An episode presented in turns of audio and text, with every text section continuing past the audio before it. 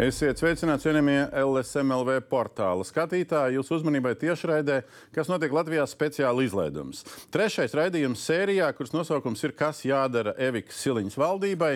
Raidījums sērija, kurā mēs uh, iztirzājam visas tās nozares, kurās ir uh, mainījušies uh, politiskie spēki, kas ir pie varas, kuru ministri ir um, nomainījušies vienā vai otrā vai trešā un tā tālāk resorā, uh, lai skatītos, kas salīdzinot ar līdzšinējām politikām varētu mainīties vai nevarētu mainīties, kam būtu jāmainās vai kam nebūtu jāmainās. Attiecīgi visos sērijas raidījumos mēs aicinām gan jauno, gan iepriekšējos ministrus un dažādas nozares lietpratējus, nevalstisku organizāciju pārstāvjus, personības, lai parādītu sabiedrībai iespējami plaši, kādi ir viedokļi, kādi ir argumenti, kāda ir viņu dažādība. Trešais raidījums par tēmu, kas skar mūs visus un kas zina, kā viņš kā šis temats vēl varētu mūs skart, tā ir aizsardzība. Um, Raidījuma dalībnieki jaunais, nu jau gandrīz mēnesi aizsardzības ministrs Andris Sprūts. Labdien! Labdien. Uh, Eksministre neklātienē šodien uh, uh nebija iespēja Munītas kundzei būs klāt. Uh, bijusi aizsardzības ministra, šobrīd saimnes deputāte Ināra Mūrniece. Labdien! Sveicināti. Uh, un uh, iepratīm žūrī, kā es viņus uh, te iesaukus, iesaucis esmu šajos raidījumos, um, cilvēks, kurš uh, kopš Latvijas stājās NATO laikiem bija valsts amatpersonas uh, amatos, gan satversmes aizsardzības birojā, gan vēl pirms dažiem mēnešiem Nacionālās drošības jautājumu padomnieks prezidentam. Tagad uh, brīvā statusā pētnieks ģeopolitikas pētījuma centrā. Vecākais pētnieks Jānis Kažociņš. Labdien! Labdien. Līdzās viņam regulārais militāro lietu komentētājs un analizētājs, militārā bloga Varbungas autors. Viņš arī ir rezerves kapteinis vēl aizvien Latvijas armijā Mārtiņš Vērdiņš. Jā. Um, Aizsardzības industrija ir uh, jēdziens, kas aizvien biežāk izskan saistībā ar aizsardzības jautājumiem. Uh, uh, tāpēc šeit arī Latvijas Drošības un aizsardzības industrija federācijas valdes priekšstādātāja Elīna Egle. Un līdzās viņai formastārpā, kurš ir jau otro gadu zemesarga formastārps, līdzās žurnālists darbam, Gustavs Tersens. Labdien.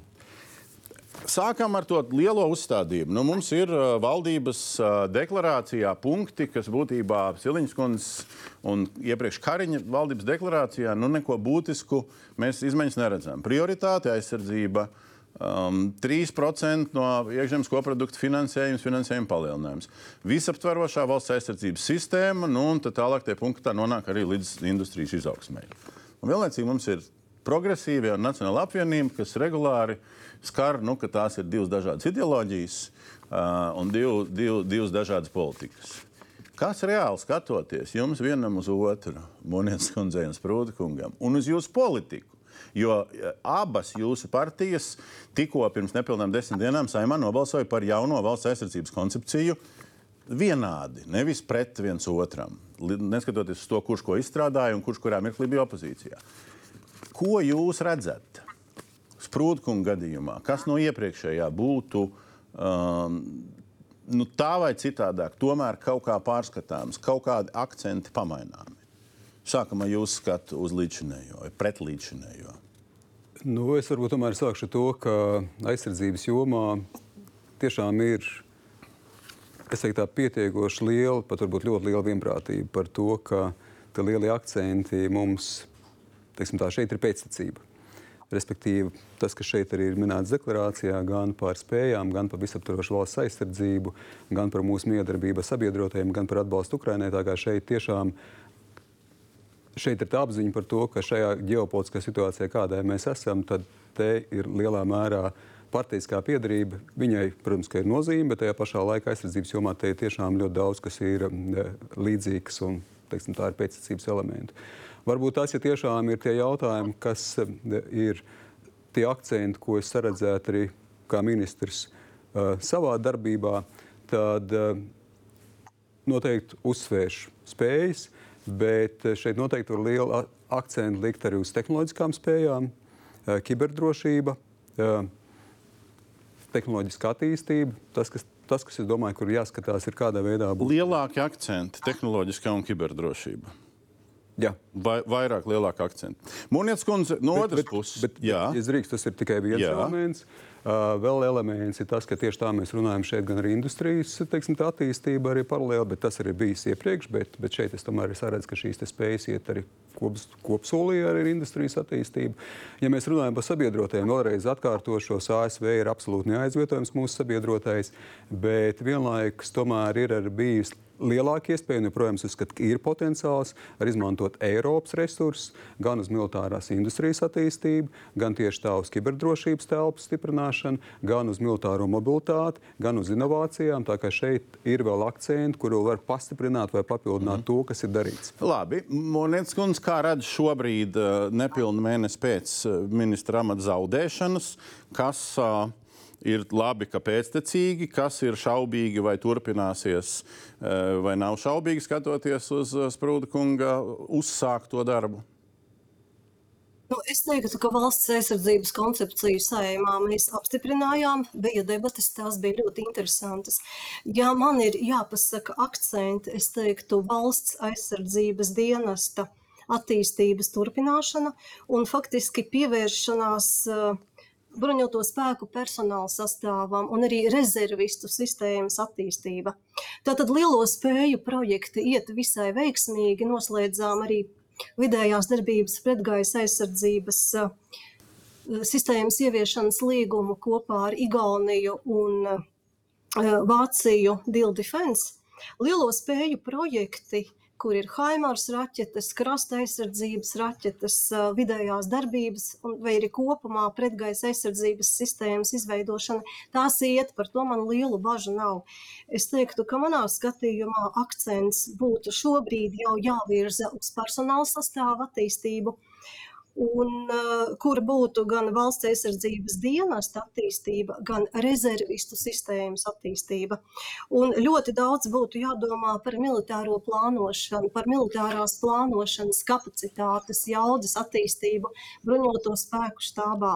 Te man ir lielas cerības ar jauno bruņoto spēku, uh, ar uh, majora And, piedošana ģenerāla majora Anda Dilāna uh, uzsākšanu, darbības uzsākšanu, un uh, domāju, ka jāveido arī nu, tāda jauna plānošanas kapacitāte. Labi, Edmunds, paldies, paldies, paldies par sākumu. Uh, mums būs jāparunā arī, kas ir vai nav kas izdarīts, jo jūs uzreiz uz cerībām pārgājām. Nu, labi, tagad ministri, kā vienmēr, redzījums šitos visus iesāk no nu, tā smuki noapaļotiem teikumiem. Mēģinam tagad papreparēt reāli. Uh, nu, um, aizsardzības koncepcija. Pagarš dokuments, 19 lapus nu, daudz uh, konkrētības par Krievijas draudiem kā tādiem, gan, te, hin, gan hibrīdi, gan, gan praktiskiem. Um, nu, bet no otras puses ir daudz punkti, kurus realizēt var dažādi. Skatoties uz to, kas ir mūsu centrālais aizsardzības dokuments šobrīd, aizsardzības koncepcija, pirms pusotras nedēļas pieņemta saimā kas jums tur liekas viss kārtībā, un te vispār nav ko atkārtoties, un kas ir jautājums, kur mēs līdz galam neesam skaidrībā, ja ir tādi punkti.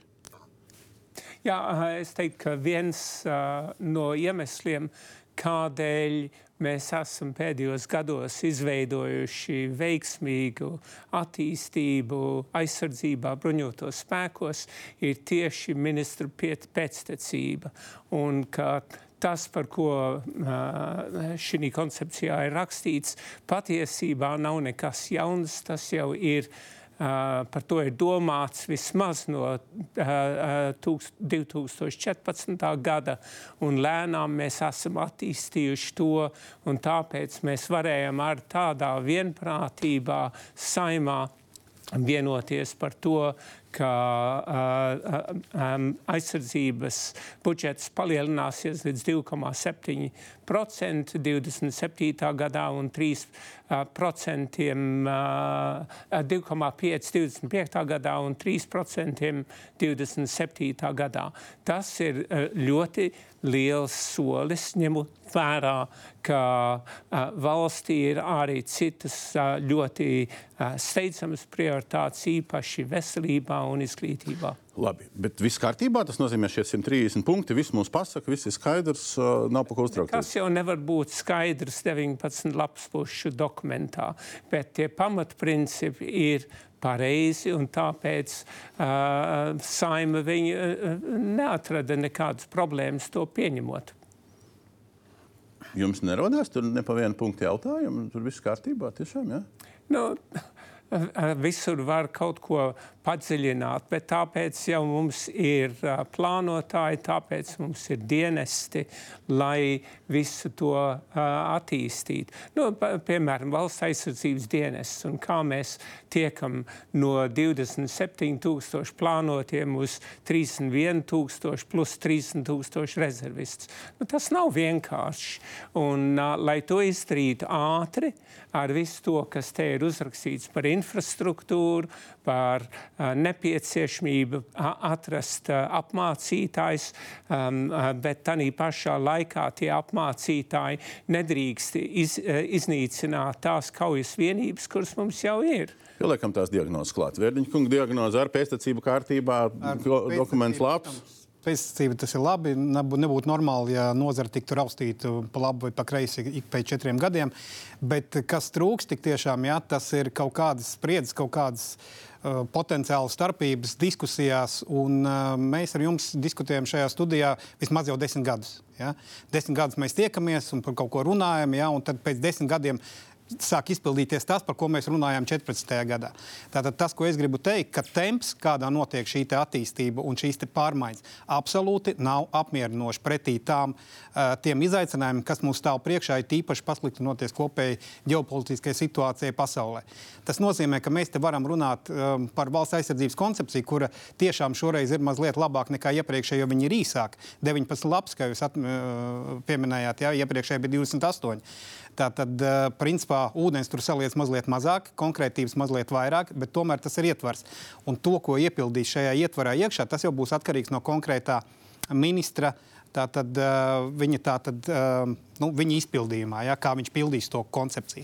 Bet, tas, bet jūs gribētu... sakat, ka temps, ja mēs paskatāmies, teiksim, nu, absolūti neapmierinoši. Nozars budžets iet uz augšu, tur zināms temps ir, ja, te ir oficiālie vai ne dati, ir, ir struktūra, ja, kas ir spēja uzticībai, attīstībai, kas ir personālam, kas tur ir pensijām, kaut kas. Tad kur, kur slēpjas tas āķis? Naudas, nauda pietiek. 8. gads, 14. gads, 22. gads. Mūs, no, no, no mana piedodiet, burbuļu viedokļa skatoties, temps, kā mēs attīstāmies un ejam uz priekšu ar tiem pašiem procentiem, ar tiem iepirkumiem, ar tām izmaiņām, jā, attiecībā par uh, personāla sagatavošanu, ir neapmierinoši tas x stunda mums tuvojās, un mēs šādi plānojot, ja, mēs varam nokavēt savu x stundu. Tas, ko es gribu pateikt. Vēl viena lieta, es gribēju mm -hmm. pieminēt, jūs minējāt, kas nav šajā koncepcijā. Šajā koncepcijā ir viens punkts, ļoti labi apraksta nu, tā saucamo konvencionālo iebrukumu no pirmā centimetra un tā tālāk. Un tā joprojām. Kā mēs uz viņu atbildēsim, tur ir veseli viens vai divi punkti tam ir veltīti. Bet kas nav, nav runāts par tādu iebrukumu vai tādu apdraudējumu, kāds bija izpildījumā Krievijas brīvprātīgo korpusa Belgorodas apgabalā. Ja? Tāda reidi pierobežā, vai pieņemsim tas pats Hamas uh, reids. Izraels teritorijā šāda veida hibrīda apdraudējumi vai teroristiski apdraudējumi. Nu, jēdziens hibrīda vispār tur jā. ir, bet, jā, bet jūs sakat, ka nav. Ne šai virzienā. Temps no biznesa puses skatoties. Temps ir, temps es pilnīgi piekritīšu Vērdiņa kungam, ir, ir nepiedodams. Uh, Un uh, jautājumos par to konkrētību man, uh, līdzīgi kā Kažocinkungam, arī tas jautājums par diskusiju sabiedrībā par to, ka nu, ir lietas, kuras mēs varam ja, objektīvi ietekmēt, un ir lietas, kuras mēs nevaram ietekmēt. Un, ja mēs no rīta mostamies ar ziņu, ka Latvijā ir piedzimuši pa 13% mazāk bērnu, tad jautājums par, par šīs visas kopējās sistēmas ilgspēju. Man, man liekas, ka tieši šī saruna ar tautsēmniecību kopumā, kurai ir ļoti nepieciešams darba spēks un, un iekšlietu un aizsardzības nozarēm, nu, viņš ir atvērts. Otrs par šiem tempiem runājot arī, nu, viens ir saslēgt līgumus, bet otrs ir strādāt pie šie, šo līgumu ieviešanas. Un, eh, protams, ka tajā, tajā laikā, kamēr mēs gaidām, kamēr kāda sistēma tiks saražota, divi, trīs, četri gadi, kā nu kura, uh, ir patiesi ļoti rūpīgi jāstrādā ar personāla sastāvu pašā armijā, bet vienlaikus jāsaprot, ka šāda pati kompetence ir jāaudz, jāaudzē arī industrijā. Un Iziesim mūsu- pēc tam uh, pa, Jā. cauri so, soli pa solim. Vienkārši iedodam tās pirmās, uh, uh, pirmās iespējas, pirmās diagnozes. Uz zemes arī nejūt tempu.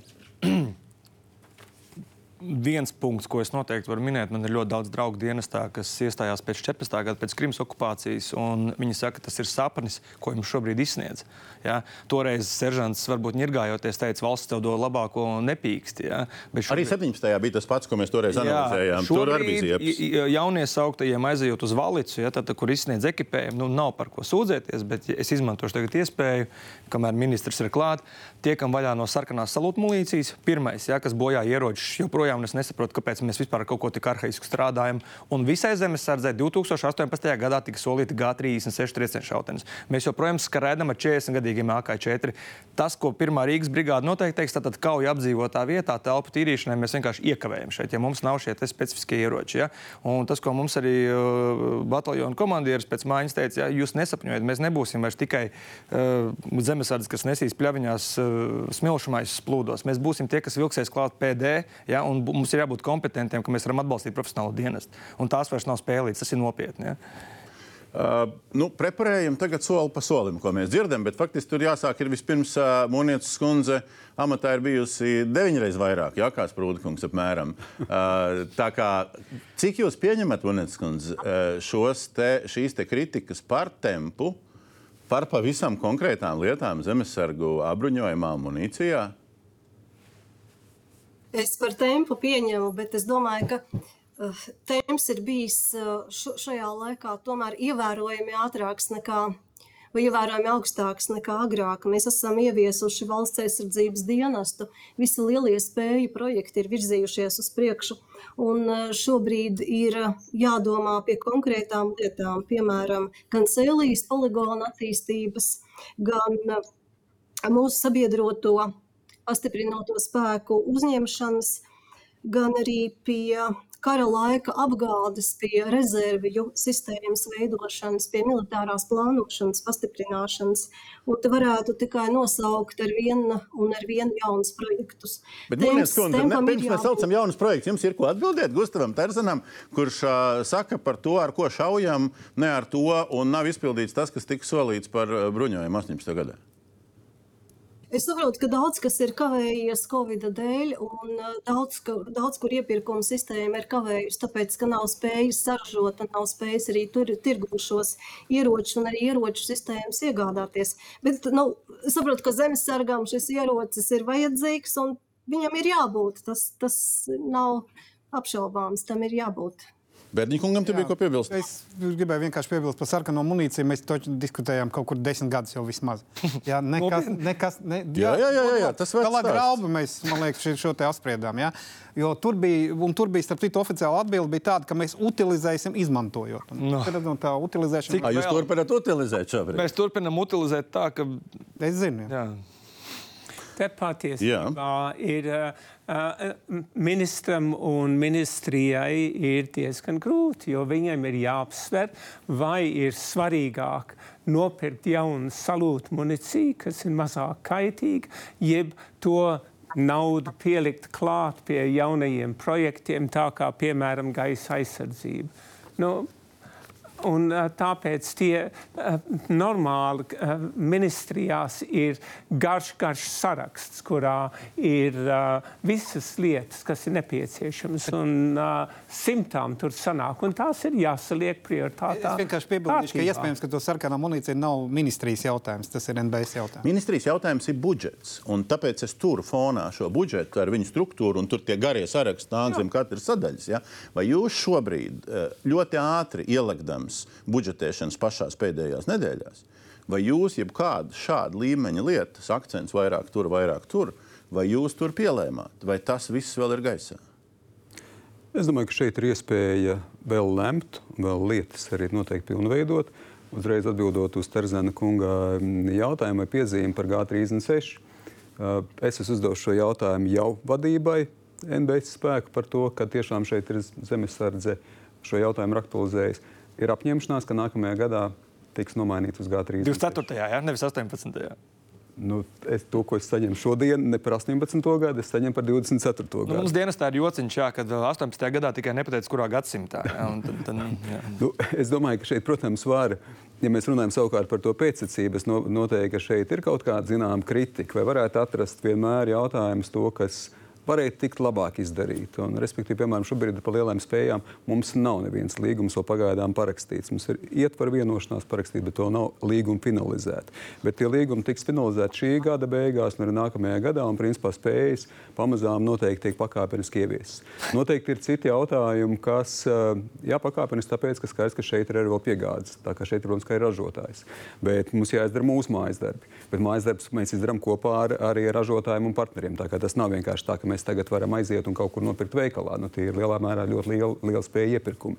Uh, savukārt, jā, ir arī jautājumi, pieņemsim, valsts aizsardzības mācību. Nu, vēl joprojām mēs cīnāmies ar ieviešanu to izglītības standartā. Tā ir lietas, kas faktiski būtu bijuši tie tempi, ka viņi būtu ātrāki un labāki.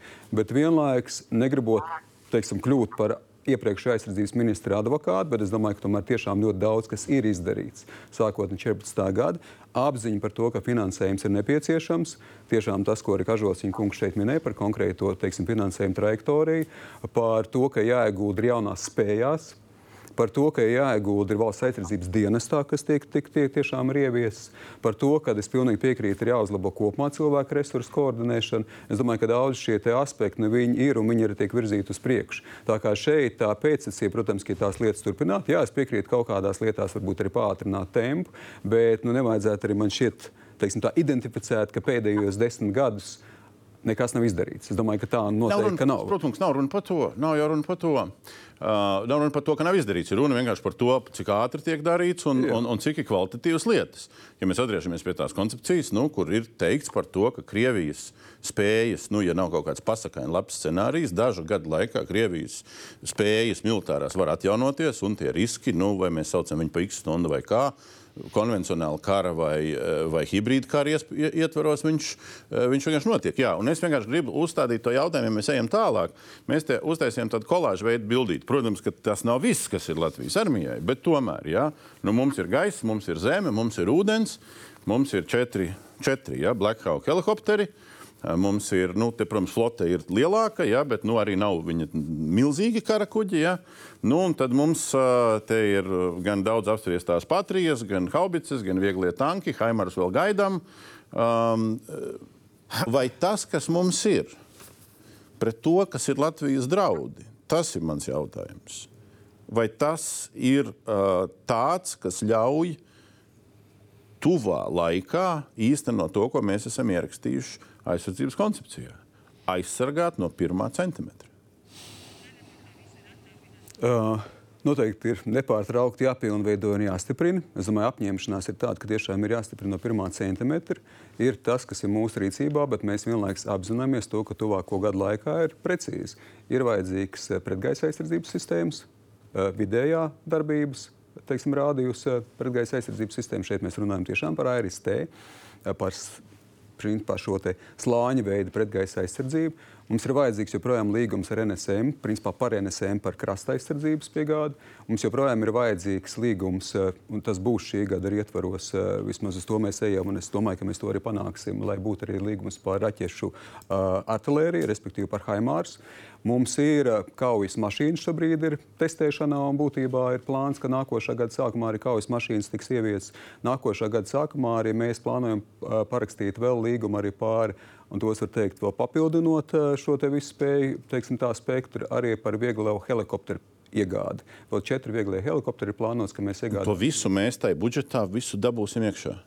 Jā, tāpēc ka šis budžets sastāv no vairākām daļām. Šis budžets sastāv no pirmkārt no tā budžeta, kas ir šeit. Nākošā gadā tie ir 2,4%, un mēs ejam 27. gadā uz protams, 3%. Tas sastāv no tā, ka šeit ir papildus vēl budžeta līnija pieciem gadiem, katru gadu 200 miljoni kopā viens miljards tieši pretgaisa aizsardzībai. Tas sastāv no tā, ka mums pietiekoši nozīmīga atbalsta sniedz arī Amerika, Amerikas Savienotās valsts, un arī tur mums ir iespēja ar ASV teiksim, slēgt vienošanos konkrēti arī par šo resursu izmantošanu. Tā kā atbilde ir jā, bet vēl izmantot Apple ne tikai par mūsu pašspējām, nu jāatcerās, protams, ka mēs esam daļa no NATO alianses. Un ir arī viņā panākts šī vienošanās par reģionālajiem plāniem. Tas pirmais centimetrs viens ir mūsu kā nacionālas valsts atbildība, bet arī pirmais centimetrs no tā, mūsu teritorijas aizsardzība, tas ir arī NATO apņemšanās. Un skaidrs, ka mēs esam daļa no visspēcīgākās alianses. Līdz ar to es domāju, ka to nevar viena no otra arī lielā mērā ņemt nost. Dažāds Nikungs netika pie vārda iepriekš.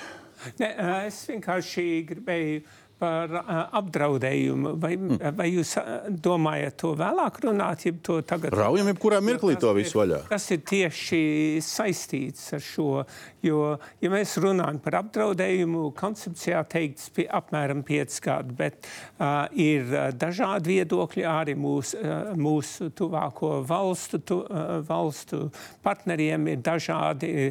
Daži saka 3, daži saka 5, daži saka 10, mm. un mēs nezinām, kurš no tiem būs tas īstais. Tāpēc mums ministriem ir jārēķinās ar sliktāko scenāriju, un tas ir cik tik ātri vien var.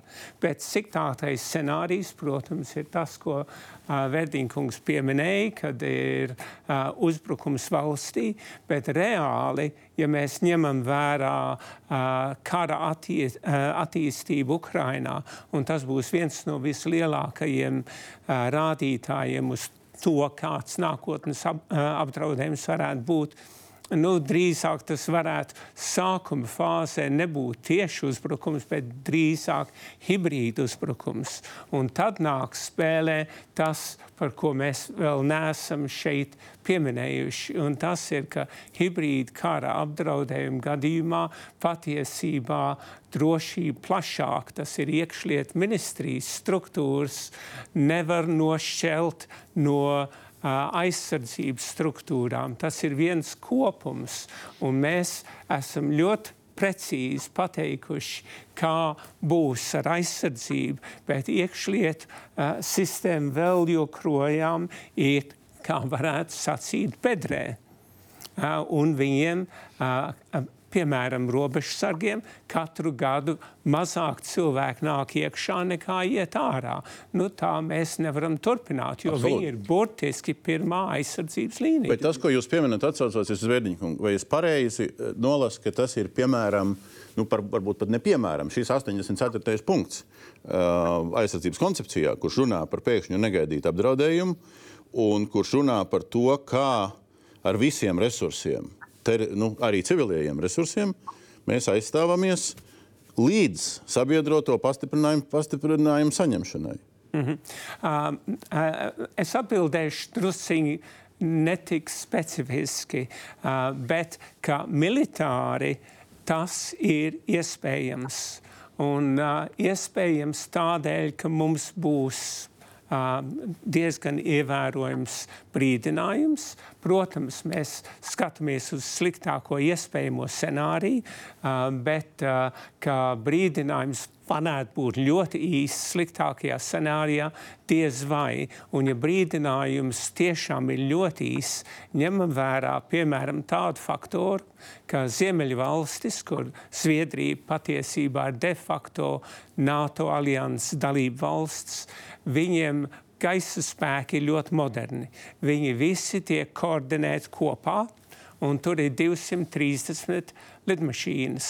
Un tas ir milzīgs spēks. Tas nozīmē, ka atšķirībā no tā, kāds stāvoklis militāri, tehniski bija iespējams pirms 10 gadiem vai 15 gadiem, tagad ir iespējams. Mēs tiešām varētu ar tām ieroču, tiem ieroču veidiem, par kuriem Sprūtkungs runāja, tiešām ir iespējams aizsargāties uh, no pirmā. Ja mums viņi visi ir, ja mums viņi visi ir. Šitais bija tas, par ko jūs iepriekš pieminējāt. Jā, ministra kungs starp citu runāja vairāk tādās nākotnes izteiksmē. Ja es skatos šo bildi, kas jums ir, ja, pieņemsim, UH-60 helikopteru Black Hawk, ja, viss ok, viņi ļoti vajadzīgi, bet viņi uh, vienkārši aizvietos šobrīd esošos MiG-17. Ja, un ļoti svarīgi paskatīties, kāds viņam ir aprīkojums. Vai viņi ir aprīkoti ar viņa kaujas izpildījumā, vai viņi ir search and rescue izpildījumā. Tas ir viens. Otrs, viņi nav kaujas helikopteri šobrīd. Viņi ir, viņi ir vispār duāls lomas, ja viņi var būt kaujas transporta. Ja? Bet ja, jautājums, ko mēs pērkam līdz ar viņiem, vai mēs pērkam viņam aprīkojumu, kas padara viņus pat pretanku ieroci faktiski. Un šobrīd nenopirkām es neko. Es nekomentēšu šobrīd šeit. Nu, Nākamais skatāmies Patrija. Ja? Tātad šeit uh, Patrija, kas ļoti labs projekts, jā, bet tas ir bruņu transportieris. Ja? Mums vēl jautājums ir neatrisināts par kainieku kaujas mašīnām, kas kaut kas cits. Tiek risināts. Ja? Okay, paldies. Kaut kas jauns. Jā. Jā, uh, nākamais uh, ļoti. At, pabeig, ļaujiet, Munēts, kundze, lai Verdiņkungs visu šo sarakstu iziet cauri. Nākamais, nākamais skatos vienkārši uz bildi. Jā, iespējams, labākais, ko mēs esam pēdējā laikā iegādājušies, tātad pašgāja haubits, jā, viennozīmīgi artilērija nepieciešama pašgāja forši. Ejam tālāk. Skimitāri, tātad CVRT. Jūs daudz mēs diskutējām par CVRT, bet šajā bildē ir tieši tas viens, kurš šauja reāli, jā, kurš, ar kur var iznīcināt pretinieku kaujas spējas kaut kāds. Nākamais Haimars arī kaut kad būs, bet arī diezgan svarīgi ir tāds, kāds raķets mēs pirksim līdzi. Jautājums ir par to, ka ko tagad arī par ko cīnās um, Ukraina. Ja? Viņi cīnās par atakams raķetēm, jau viņiem nav. Nākamais, kas tur ir pretgaisa aizsardzība, stingeri. Visi baigi forši, kur ir mūsu stingeri šobrīd. Ja? Mēs, cik es zinu, tātad, uh, cik bija arī presē, mēs esam lielā mērā viņus uzdāvinājuši. Tātad tuvās darbības. Nevajadzēja dāvināt, jūs sakat? Varbūt arī vajadzēja. Jā. Tas, tas ir politisks izlemšanas jautājums. Nākamais, bet uh, tas, ko mēs pērkam, ARST vidējās darbības radios, ja viņi arī tikai būs. Tad jautājums, ja mēs kaut ko esam uzdāvinājuši un kaut kas vēl tikai būs, kas mums ir šobrīd. Mūniec, un šis ir jūsu lauciņā, visu lūdzu. Jā, paldies. Man patika tā lielā bilde, bet tajā nav viena ļoti svarīga lieta. Tajā nav cilvēks. Un tad Uz mēs, mēs satiksim pēc brīža. Tiksim, tiksim. Es tikai gribu iezīmēt, ka mums ir tiešām spēju projekti, kas virzās uz priekšu, un arī ministrs tos iezīmēja. Esmu gandarīta, kā tas notiek. Bet ir pati galvenā spēja ir cilvēks, kas šīs jaunās militārās tehnoloģijas vada. Un mums ir ļoti nopietni jādomā, kā palielināt bruņoto spēku personāla sastāvu, kā izveidot labu, spēcīgu rezervistu sistēmu. Tā ir viena lieta.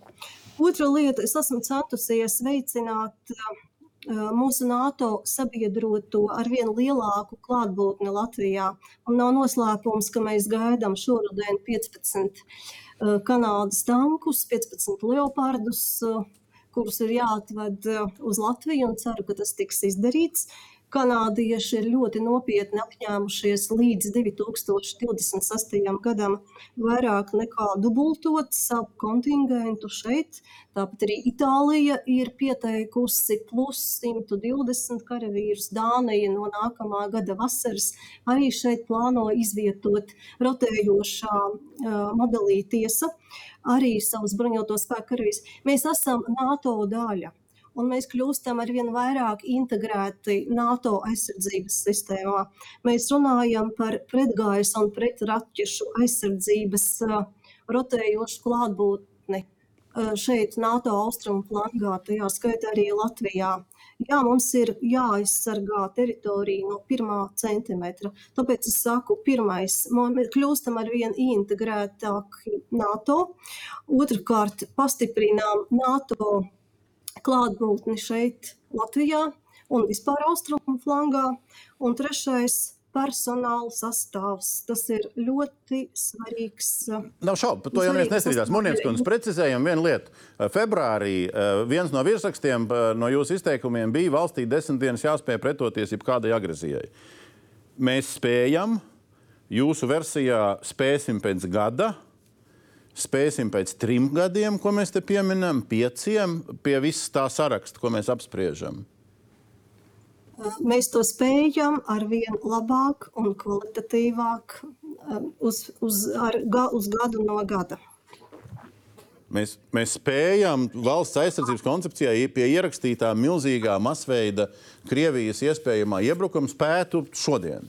Nu, pagaidiet, Latvija nav viena pati, kura aizsargās NATO teritoriju. Arī šeit, austrumu flangā, mums ir blakus Polija, tepat ir Vācija, kur ir sadarbība ar Lietuvu, ir Lielbritānija, kurai ir sadar, sadarbība un kas ir ietver nācija Igaunijai, un mums tā ir Kanāda. Mēs esam NATO sastāvdaļa un NATO robežas aizsardzība. Jā, tas ir arī mūsu uzdevums, bet tas ir NATO kopējais uzdevums. Mēs varam runāt par dažādiem modeļiem. Mēs varam modelēt, cik uh, dienas mums ir jāspēj aizsargāt uh, Latvijas teritoriju līdz vēl papildu spēku ienākšanai, bet šeit Latvijā jau ir arī citu NATO dalību valstu spēki. Nu, nepārāk liela gan jāatzīmē, vai ne? Srūdkungs? Darīsim visu, lai būtu lielāki. Jā, te es, te es noteikti ministrs kundzei arī piekrītu, un te ir tā pēcsacība, ka man šķiet, tomēr ir daudz kas darīt. Nekad nebūs perfektā pasaules kārs, kad ir jāpilnveido un tie tempi ir jā, jāpastiprina. Ja runā par varbūt pāris lietas, arī runā par mm, kopējā par drošību, tad tomēr šeit tas, kas arī sākotnējos procentos parādījies 27. gads 3% ārējā drošība, 2,5% līdz 26. gadam iekšējā drošība. Tā kā šī apziņa par iekšējās drošības stiprināšanu. Bet līdz 26. gadam, ne šogad, ne nākamgad, ne aiznākamgad. Pakāpeniskais pieaugums tur ir absorpcijas spējas. Es domāju, ja leciens uzreiz ir pa procentu vai ļoti pamatīgi, tad arī šeit pat tas sistēmā nevienmēr. Tur nav nekāds procents, tur daudz mazāk uh, būtu leciens. Nu, jebkurā gadījumā būtu pietiekoši nozīmīgs leciens, skaidrs, ka šeit ir pakāpeniskums. Un es domāju, ka tas politiskais signāls tas nav mazsvarīgi. Bet atgriežamies atpakaļ pie, arī, mm, pie tās aizsardzības var plašākā kontekstā jāatcerās, ka viens ir aizsardzība no pirmā centimetra, protams, ko mēs darām kopā ar sabiedrotajiem, bet arī mēs runājam par atturēšanu. Ja kāds uzbrukums aizskar piekto pāntu, ja kāds uzbrukums iedarbina piekto pāntu, respektīvi tas nozīmē, ka konkrētais agresors darbojās vai viņiem ir jācīnās pret alianses, kas ir nu, kas tomēr šeit, šajā gadījumā, ir absolūti asimetrisks. Bet, protams, tas nenozīmē to, ka mums nav jādomā par pirmo centimetru. Ja runā par pirmā centimetra spējām, tad viens ir varbūt nedaudz uz Vērdiņa kunga reaģējot, teikt to skaidrs, ka mēs esam devuši stingers, bet mums ir ļoti labas, viens no pašām efektīvākajām RBS sistēmām, kas ir Zviedru sistēmas, kas tiek uzskatīts šajā slāņa veida pretgaisa aizsardzībā, tuvējās darbības eh, pretgaisa aizsardzība, kas tiešām tiek uzskatīta par ļoti modernu, eh, efektīvu, un tās tiek arī modernizētas. Paralēli šie procesi visu laiku tiek ar, ar modernizēti. Un to, ko es runāju par zemesardzi, ir G36 arī tiek modernizēts. Uh, ir Vērdiņa kungam ko apakaļ atlā, pateikt? Piesātinājums. Jo nepie, nepietiek ar to, ka mums ir kaut kas, pieņemsim, mums ir droni, mums ir naktas redzamības ierīce. Ja? Mums ir jautājums, vai šie droni ir attiecīgi katrā vadā. Ja, ja mums ir naktredzamība, vai viņi ir katram karavīram, ja mēs runājam par pretgaisa aizsardzību, vai viņi ir katrā rotā. Ja. Un, protams, mums ir RBS 70. Viņi gan prasa, tur viņi zināmā mērā viņam sava specifika, tur vajadzīgi labi operatori, bet ne par to ir stāsts. Piesātinājums ar šiem pretgaisa aizsardzības ieročiem viņam ir jābūt tādam, ja, ka pietiek, nu, pieņemsim, atbilstoši štata tabulām. Ne, nu, man jā, liekas, ka šobrīd, bet, lai, lai atkal zemē tuvāk, es nezinu, vai zemesargu burbuļos vai kur citur, bet nu, es jūtu starp daudziem nu, cilvēkiem, ar ko es runāju, šobrīd pēc tā Hamas uzbrukuma Izrēlē, ja, kur Izraela ilgstoši stāstīja par savu dzelzceļa kupolu un, un par to, ka nevar viens, ka mēs skatāmies, ka Ukraiņiem kaut kas trūkst, un tur ir mazāks raķešu skaits. Šeit ir super, it kā bruņojusies valsts ar, ar, ar lielāku uzbrukumu neiztur. Jautājums ir pret kādu uzbrukumu, kurā no šiem gadiem, kad nāks tas, tas, tas, mēs reāli esam gatavi. Man liekas, tas jau ir cilvēkiem šobrīd jautājums. Jā, jā. Ar droniem, vai ar tādām raķetēm, vai ar šitā, vai airisiem, vai vienalga ko. Ja es, ja es drīkstu tomēr mazliet, mazliet paturpināt, jo mums ar Vērdiņu kungu par tehnoloģisko piesātinātību ir bijusi diskusija jau pietiekoši ilgstoši, un es absolūti tam piekrītu.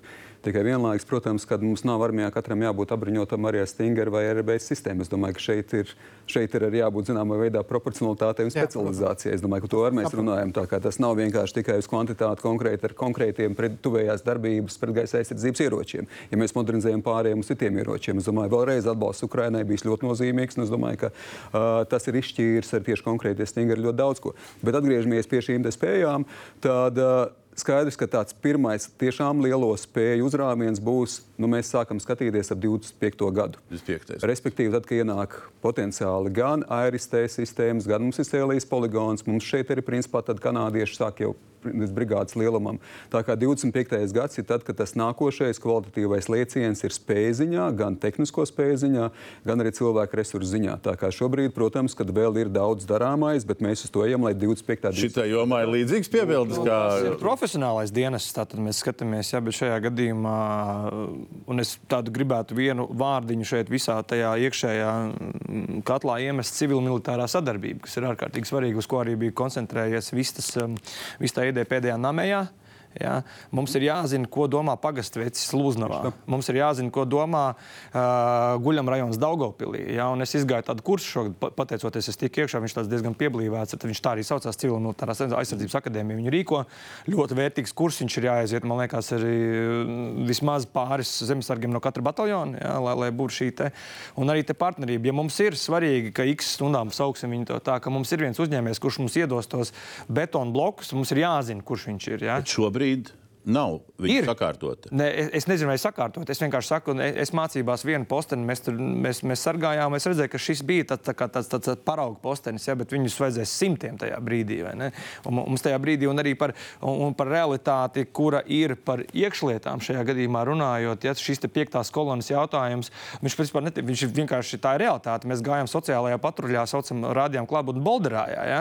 Mēs tagad zinām, kas mēs esam. Es zinu, kā man sauc no trešā stāva bļāva. Ja? Es tagad nedrīkst lamāties. Mēs esam sabiedriskajā mēdījā. Sarkanie punkti mums ir pilni Latvijā tādiem. Ja? Un šajā gadījumā, uh, nu, es teiktu tā, ja, ja tikko Ukrainā tos divus tos policistus, ja, brāļus, kas iedeva punktu artilērijai ja, no ārpuses, ne, ziniet, cik mums tādi ir? Ja? Un zemesardzei nav nekāda jautājuma, jo zemesardzē mēs esam brīvprātīgie. Ja? Un tur nav 18-gadīgi puikas sasaukt. Tur ir juristi, dzinieki, rakstnieki, pianisti. Morāli no šī ir ko? Mazāk uz dzelžiem. Nē, vajag dzelžus, bet viņi tur cilvēks. Man mūrniecis kundze, jā, jā, robeža arī mēs uztaisīsim to, to, to sētu, bet kas viņu apsargās? Ja? Viņi ir jāapsargā. Viņi ir jāpēlē visu laiku, non-stopā. Jā, jā, bet tie cilvēki jau nepār, būdami uz robežas, viņi jau to bolderājas, cilvēki nepāraudzinās. Ne, viņi, Tās ir divas paralēlas realitātes. tās paralēlas realitātes, bet viņas ir reālas. Ja, un, un, un ir jāmonitorē visu laiku. Protams, ka žvadzināt ieročus un staigāt kamuflāžā tā ir spēka demonstrācija. Mums arī šobrīd arī zemesardzē mācīja ja, spēka pielietošanas pakāpes. vai ne? Tas, ka tu parādies formā, tā jau ir spēka demonstrācija. Ja? Un nevajag tracināt visu laiku. Varbūt tur vajag, nezinu, taisīt mākslas happenings biežāk un runāt latviešu valodā. Ja? Nevis Latvijas valodā. Jā, Mēs esam druskuļi aizgājuši no tā, par ko es gribēju runāt. Bet uh, jūs sakat, vai mēs esam tagad gatavi, vai būsim gatavi pret gadu. Tagad un pēc gada Krievijas federācijai nebūs iespējams masveidā iebrukt Baltijas valstīs. Un, ja viņi pat nevar atkarot Donbass, do, jūs tiešām domājat, ka viņi grib sākt karu ar NATO? Nē, viņi negrib. Bet tas nozīmē, ka apdraudējums, tāds hibrīda veida apdraudējums, ir divi tik bīstamāks. Un tāpēc tieši atbalstīt iekšlietu struktūras nepieciešams. Domāt arī par pretgaisa aizsardzību. Un šeit es uh, druskuļi tehniski, bet uh, pretgaisa aizsardzība, ja tā nebūtu, mēs savus stingers nebūtu nogādājuši uz hostomeļu 24 stundas pirms kara sākuma, kara sākums būtu varējis būt pavisam citādāks Ukrainai. Un tas varēja ietekmēt ļoti nelabvēlīgu situāciju šeit, reģionā. Tas būtu bijis nelabvēlīgs. uh, ejot tālāk no tā, uh, par pretgaisa aizsardzību vispār domājot, ja tagad ir ļoti lēti droni. Un mūsu modernā tehnika nespēja atš atšķirt lētu uh, Irānas dronu no kārtīgas raķetes. Nu, mēs tagad šausim savus ierobežotu skaita uh, Labus, īrijas visu, nu, nu, tas, tas nav prātīgi. Tāpēc mums ir jāskatās to, kā tas viss attīstās. Un, pie, piemēram, Geparda pretgaisa aizsardzības sistēma um, pašbraucēji ar diviem maziem lielgabaliem, ko vācieši uzdāvināja Ukrainai, izrādās ārkārtīgi veiksmīgi pret droniem. Tos Vācijas Bundesrepublikas armija vairs sen nelieto, bet tie ir tas, par ko mums jādomā. Mums varbūt pat būs jāskatās uz ZS U40. Bet, bet respektīvi, viss no, no šī izriet. Uzmontēšanas, lai varētu tikt galā ar tāda veida riski, jo tie riski gaisa uzbrukumiem ar vien vairojās un vislabāk to parādīja gaisa uzbrukumi gāzes joslā uz tiem nocietinātiem torņiem no gaisa tieši. Nu, Bet ar šito jūs sakat, ka varbūt te jāpārrevidē, cik smagus bruņojumus. Nepārtraukt tas jādara, jo karš mainās. Piebildi no zemesardzes puses, eh, jo modernāka un mūsdienīgāka aparatūra būs mūsu rokās, jo lielāku skaitu cilvēku mēs varēsim piesaistīt. Respektīvi, ko es gribu pateikt, ja, piemēram, mēs kaut kad dabūsim tos G36 ar aimpoint, ar, ar, ar mērķēšanas sistēmu ja, augšā, kas ir ļoti dārga, mēs paņemsim stipru cilvēku, bet varbūt viņam redzi kaut kas nav. Viņš kā, kā viņš, teiksim, mēs, mēs lielāku kvantumu, dažādu tipu cilvēkus varēsim iesaistīt, jo tas modernā, moderna aparatūra pieļauj to, ka tev nav jābūt obligāti Rembo bezjūtīgam un ar super redzi. Tu varēsi daudz lielākus un, un, un, un, un, un kalpot un dienēt cilvēks dabūt iekšā. Labi, ļaujiet, ļaujiet man pagriezt bišķi to tēmu. Eglis kundze ilgi, ilgi sēž un netiek pie vārda. Es pagriezīšu, nu mēs runājam par ieroču uh, izpratni, pāriesim, in, in, pāriesim industrijas interpretācijā šai virzienā. Uh, viss tas, ko mēs redzam, tas ir imports. Ja? Un paralēli mums tā industrija ir runa par tādu versiju, ka vajadzētu vairāk to Latvijas industriju. Un es gribētu šo sadaļu par to industriju un ko mēs Latvijā industriju darām vai nedarām, vai varam darīt, vai vajag darīt. Es gribētu to sadaļu sākt ar video, kurš ir Mūrnieces kundzes runas pāris fragmenti apstiprinot aizsardzības koncepciju par jaunas valsts kapitāla sabiedrības izveidošanu, um, kur um, nu, man pa pārsteigumu mēdī tā īpaši nav attīstījuši. Nes kāpēc.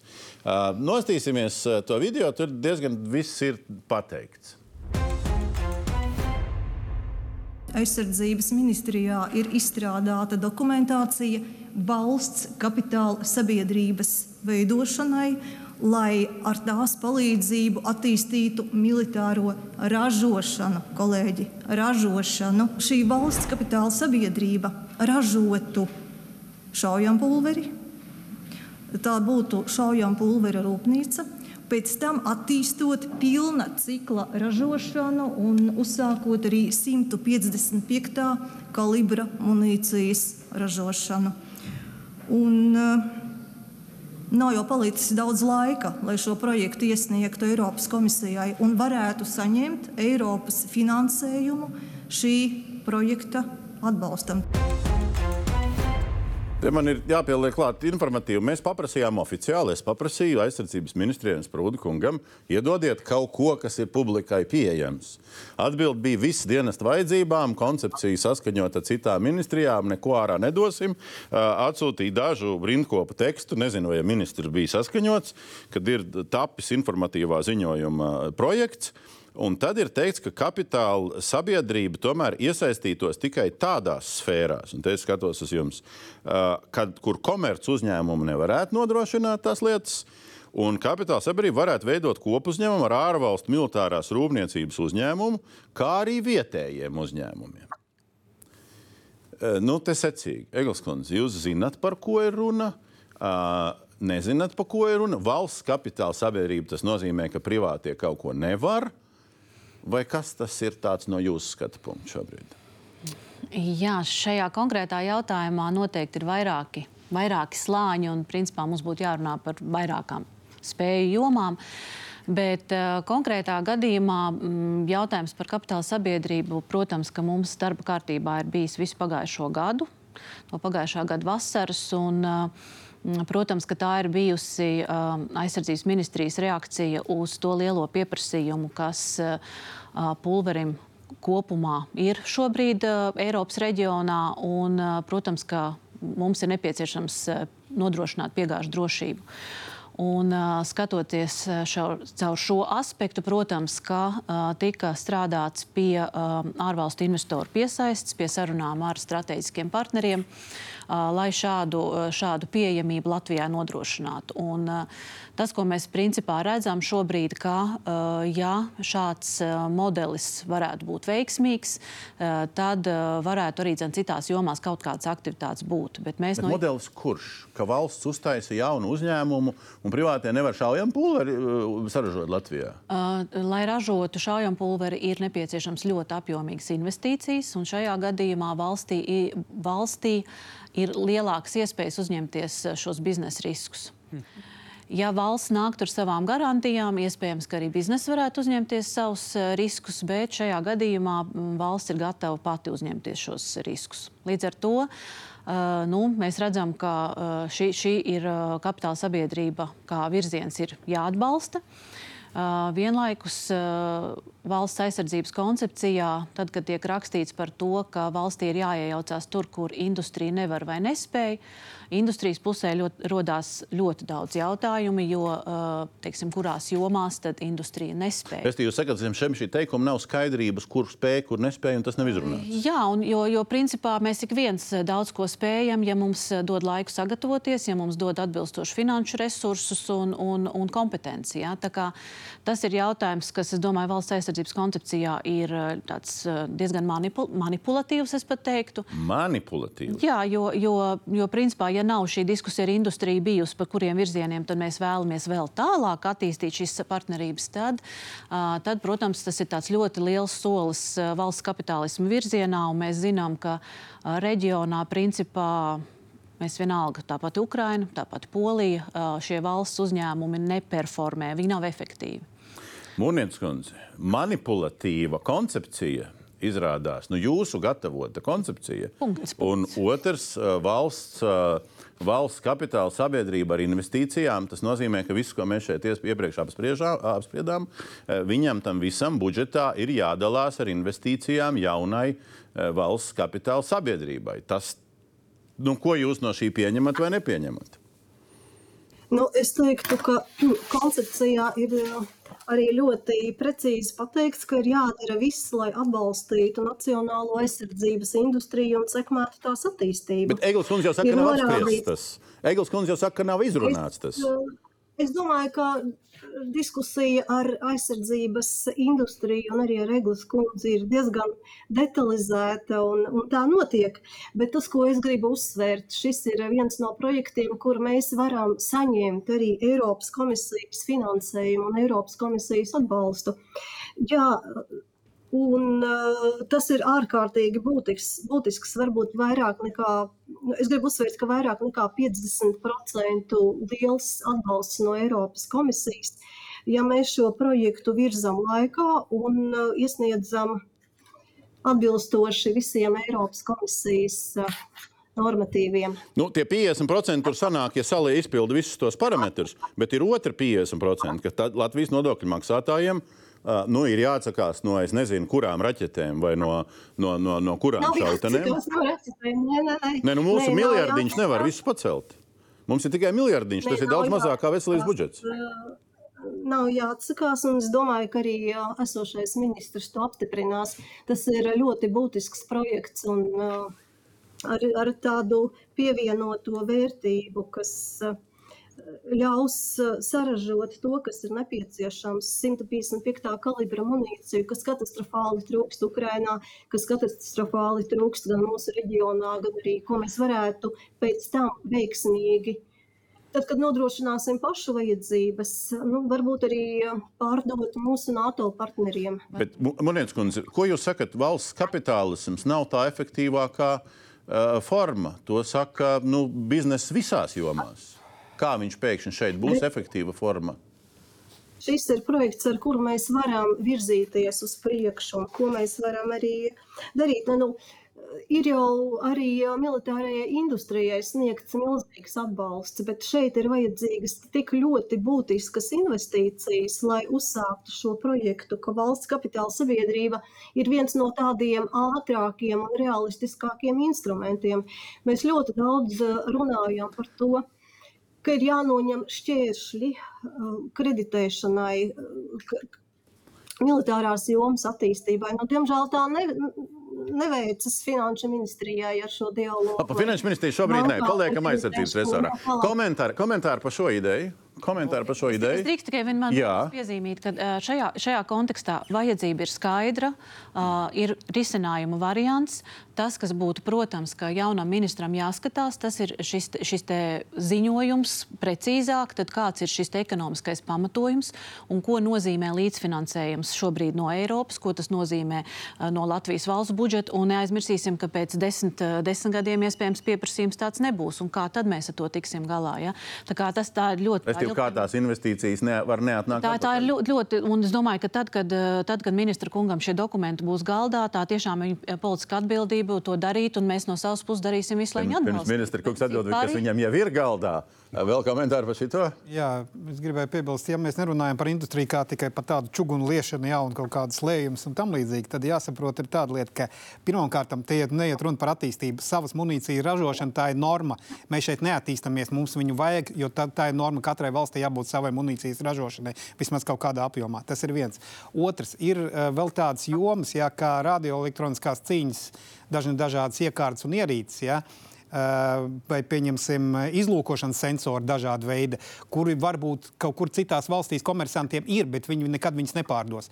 Tas nozīmē, ka mums tā ir joma vai niša, kur tieši valstī jāiet iekšā, jo tur ir pietiekami specifiskas specifikācijas prasības, specifiski uzdevumi un tam līdzīgi. Tad... Tātad, Privātie, kas ražo šobrīd, tur ir specifiskas lietas, bet ražo privātie. Nu, nav jau tik traki. Še- Šajā, šajā gadījumā es, es, es domāju, ka te, te ir tiešām ļoti, ļoti jāpārdomā, kurās jomās mēs eh, kopumā valsts ir gatava investēt un uzņemties sev biznesa riskus un viņus arī vadīt. Un tas ir ļoti, ļoti šobrīd tāds eh, nu, atvērts jautājums, Gaisā, kur būtu jā. jāpielem. Labi, vispirms. Ukraiņas karš ir parādījis, ka artērijas um, efektivitāte atsimst. Un kā 30 gadu artērists, protams, es par to arī uh, esmu priecīgs. Bet uh, ražot artērijas municiju um, starpkara laikā Latvijas bruņoties spēki bija ārkārtīgi spēcīgi, un aizsardzībai 38. gadā Latvija veltīja 28% no visa Latvijas valsts budžeta. Un tomēr mums tikai drāžu fabrikā ražoja uh, lodes. Par um, 1,5 municiju negāja runa. Un tagad mēs redzam, cik ārkārtīgi grūti ASV ir um, uh, atjaunot savu. Uh, savu pie- 1,55 munīciju krājumu, uh, jo investori vienkārši nedomā, ka tas atmaksājas. Mēs saprotam, kā atmaksājas, un ja valsts ir ar mieru nākt pretīm un uzņemties 50% risku, tad es domāju, uh, tas nemaz Eglis kundze to daudz labāk zina. Tas nemaz nebūs grūti atrast vai nu pašmāju vai citu valstu investors, kur tad pienāks klāt un konstatēs, ka jā, Dienvidu Koreja ļoti labprāt pirkt no mums lētāku municiju. Tā. Uh, Citējot atbildi, uh, kas bija mums uz to jautājumu, šobrīd aizsardzības ministrijā norit darbs pie ražošanas virzienu izvērtēšanas. Nu, kas tad pa darbu šobrīd notiek jaunā ministra vadībā? Um, Lielā mērā atsaucoties uz to, ko kolēģi, gan ministrs kundze, gan, gan, gan cienījami eksperti arī teica, tad, protams, ka šeit var paskatīties, teiksim, tā izvērtēt no vairākām pusēm. Te nenoliedzami vairāk tie elementi, kas tajā, tajā izvērtēšanā ir jāņem vērā. No vienas puses tieši tā ir piegāžu drošība, ir tas, ka mums tās ķēdes piegādēm ir pēc iespējas vairāk ir jārada šeit.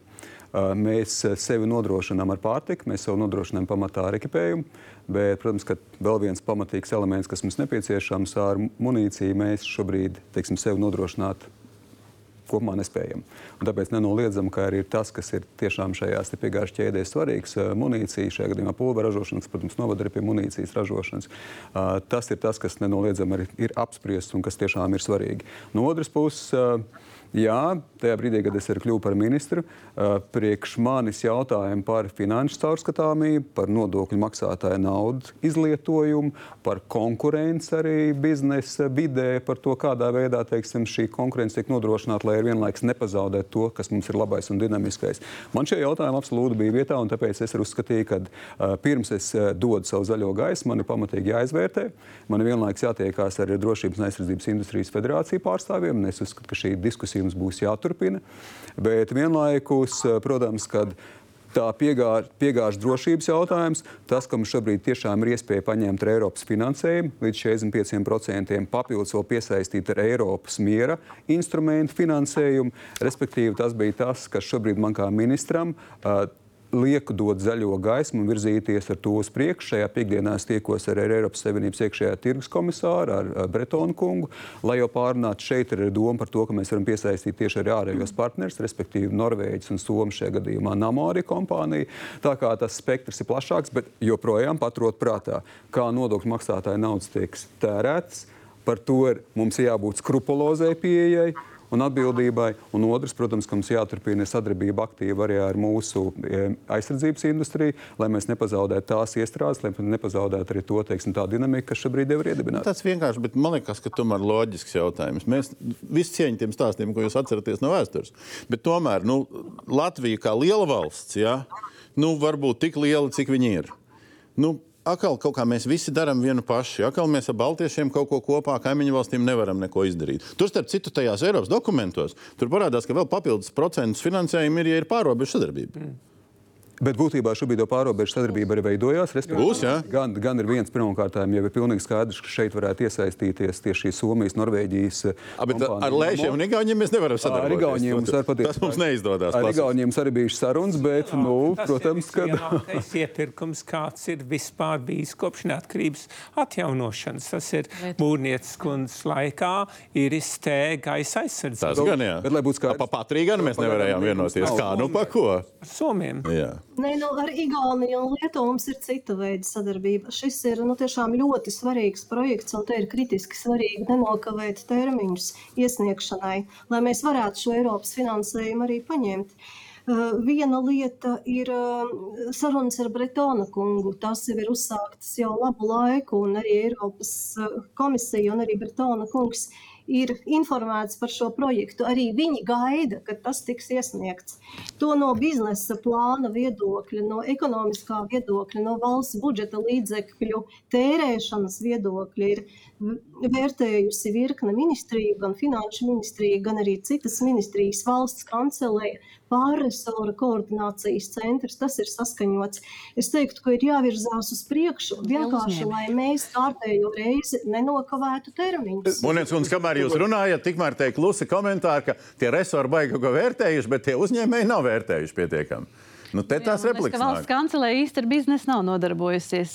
Tas nav viņas pamatpienākums ar biznesu nodarboties. Bet, lai paliek, saka, šī, šī konkrētā lieta ir, ir kā saka, nu, šeit, vērosim, gaidīsim. Jā, šeit vērosim, gaidīsim, bet vienlaikus es tomēr nedaudz, teiksim tā, nu, atskatoties arī uz pagātni, noteikti bija iespēja šo kapitāla sabiedrību attīstīt ātrāk.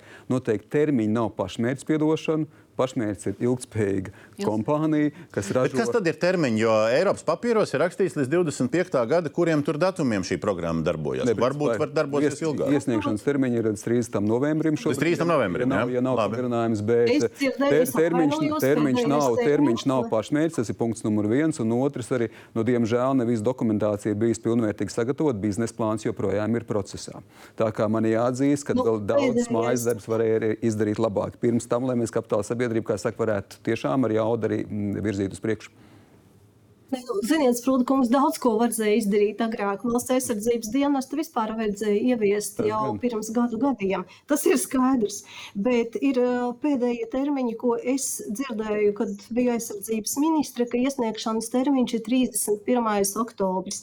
Tādēļ šī kavēšanās ar iesniegšanu nu, tomēr rada pamatotus jautājumus. Un tad Dambura kungs atkal vaicās, kādēļ mēs esam nokavējuši un kādēļ šī attīstība nav bijusi. Laiks rādīs, ko es. Laiks rādīs, ko es. kapitāla sabiedrība, tad būtu nebūtu problēma. Laik, laiks rādīs. maksimāli iespējamo, un šī ir strateģiski svarīga joma Latvijas aizsardzībai. Labi, skatīsimies, kāds būs plāns, jo mums tur arī ir konkurenti. Eiropas nauda tikai 500 miljoni. Priekš šitādiem, šitādām nozarēm 500 miljoni, nu, ar citu valstu konkurenci nekas tāds baigi apsolā, apsolīts tur nav. Bet, uh, uh, Sprūta kungs jau pieminēja pārtiks, ka mums ir tās pārtiks piegādes. Nu, uh, neļaujiet man nepieminēt pārtikas piegādes Latvijas armijai. Tomēr nu, viens, no, viens no kas nu ir bijis pēdējā laika, un tā skaitā Munietas kundzes ministrēšanas laika skandāliem, tad bija šī epopeja ar pārtikas loģistiku, 330 miljonu līgumus maksimālā summa.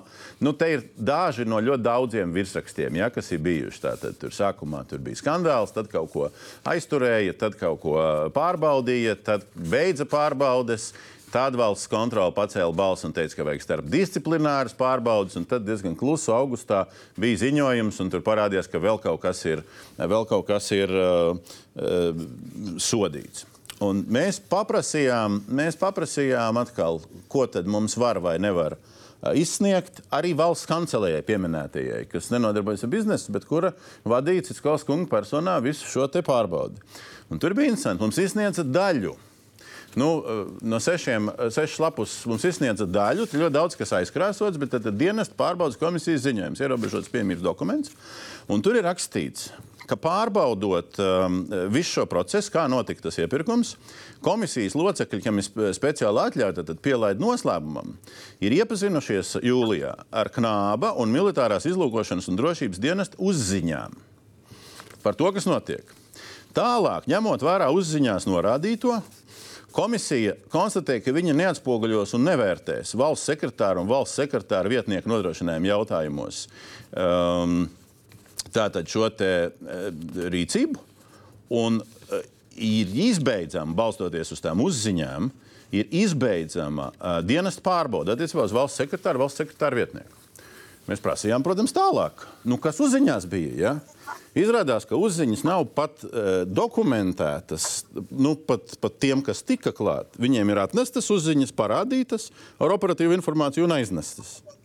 Pat ja kādreiz kaut kas būs publiski, tas nekur tur nebūs fiksēts. Un tad mēs visbeidzot pajautājām valsts kontrolē, nu, kā viņai patīk šī situācija. Un valsts kontrole mums teica, ka viņi ir iepazinušies ar ziņojumu, prasījuši militārās izlūkošanas drošības dienestam iedot informāciju šo te Un militārās izlūkošanas dienas ir atteicis dot valsts kontrolē informāciju, jo tas apdraudot valsts drošību. Respektīvi, varot radīt apdraudējumu nacionālas drošības interesēm. Uz ko valsts kontrole? Tas ir pāris dienu jauns komentārs, ko viņi mums atsūtīja, ka valsts kontrole uzskata tieši pretēji, ka drošība apdraud tas, ka iestādes savā starpā nesadarbojās un ka valsts kontrole nevar strādāt. Man liktos, ka sabiedrība pēc tam, ka ir tik daudz laiks tērēts uz šo iepirkumu Sabiedrība pelnījusi saprast, kas te ir vērtēts vai nav, un vai tas ir Latvijas drošībai veicinoši, ka ir kaut kādas slepenas izziņas, par kuru saturu nezinu, tā skaitā valsts kontrole par sabiedrību nerunājot par civilu jautājumu. Uh, un uh, sakarā ar slepenām uzziņām valsts sekretārs, valsts sekretāra vietnieks ne par ko neatbild. Munets kundze, jūs varat komentēt, kas šeit ir noticis līdz jūsu uh, pilnvaru beigām? Nu, Dombara kungs, jūs šo jautājumu pasniedzāt tā, it kā šis skandāls būtu noticis manas ministrēšanas laikā.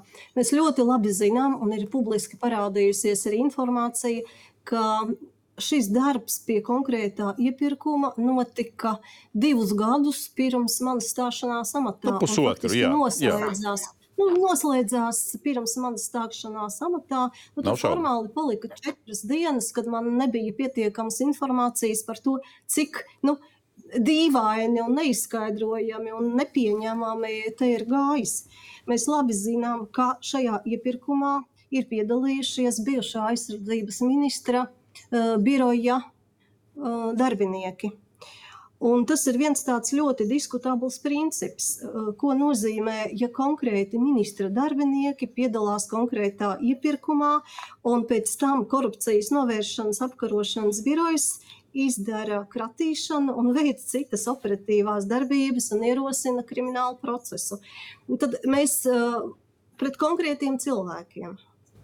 Un, eh, nu, jāteic tā, ka sistēmai darbojoties un mēģinot šķetināt to, kas notika. Nu, kā redzams, ne visi dokumenti te ir plašākai sabiedrībai pieejami, bet to lielo stāstu pasakot ļoti īsi. Šis process manā skatījumā nu, tā šķērsām aizgāja tad, kad notika ministrā darbinieku nu, tāda nu, nu, tāda varbūt pārāk cieta. Nu, es nezinu, kā to pateikt. Bet Monētskundze jautājums nav par to. Monētskundze jautājums ir par ko citu. Jūs bijat ministri visu šos deviņus mēnešus, kad notika visdažādākā līmeņa dienesta pārbauda, disciplināra lietas. Daļa mums iedeva, daļa mums atteicās dot. Un pēc tam būtībā valsts kontrole acīm redzami pateikdama, ka resorisko pārbaužu līmenis ir jāpaceļ uz pārresorisko, nonāca līdz šai pārresoru komisijai.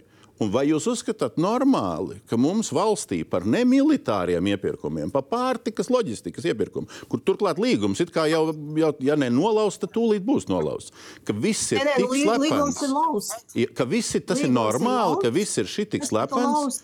Jā, bet Tas man tika tas ir normāli, tā ir laba pārvaldība, ka mēs nezinām, Es, kāpēc. es gribētu teikt, ka laba pārvaldība ir nepieciešama. Un esmu darījusi visu, lai vainīgās amatpersonas uh, neturpinātu darbu. Jūs zināt, kas bija tais no uzziņās? iesaistītajām- Jūs zināt, kas bija Trīs no iesaistītajām personām ir darbu beigušas, virkne ir tikušas sodītas gan aizsardzības ministrijā, gan uh, komandieris NBS uh, amatpersonas arī ir sodījis. Munets kundze. Kas ir visās izziņās, es nezinu. Nu, Ok. okay. brīdī es tās neredzēju. Es zinu, ka aizsardzības ministrijas augstāko ierēdņu atbildību pēc tam, kad uh, ministrija ir izvērtējusi tās darbinieku atbildību, vēl vērtēja valsts kancelējas izveidota komisija. Par to jau es runāju, par to komisiju. Monēts, par ar to es runāju. uh, Un viņa mēs kancelējas komisija izbeidza šo darbu. Viņa izbeidza. Nu, vai jūs uzskatāt, ka viņa izbeidza nepareizi vai Es pareizi? jums jautāju, vai es mums nebūtu tiesības uzzināt, kāpēc. Es paļaujos uz šīs komisijas eh, izdarītajiem secinājumiem, bet konkrētā eh, iestāde, kas eh, ir šo izmeklēšanu veikusi, ir noteikusi, nu, cik slep, slep, slepenības pakāpi konkrētajiem dokumentiem. Jā. Un tikai iestāde, kura šo slepenības pakāpi ir uzlikusi, var tos atslepenot. Neprasiet no manis, lai es šeit izpaustu. Nu, es neprasu. Es, neprasu, es jautāju. Sprūtkungs, nu, skatoties, kas mums te vēsturiski ir, ir, ir bijis šogad, arī ar uh, nu, to dienestu vajadzību dokumentu pārcelšanu ierobežotas pieejamības uz noslēpuma statusu. Nu, man liekas, tas jautājums visu laiku virmo. Vai mēs kļūstam stiprāka valsts, ja mums ir vairāk noslēpumu? Es nerunāju par drošības likuma grozījumiem, savulaik slavenajiem. Jā, tas ir pilnīgi cits sāga.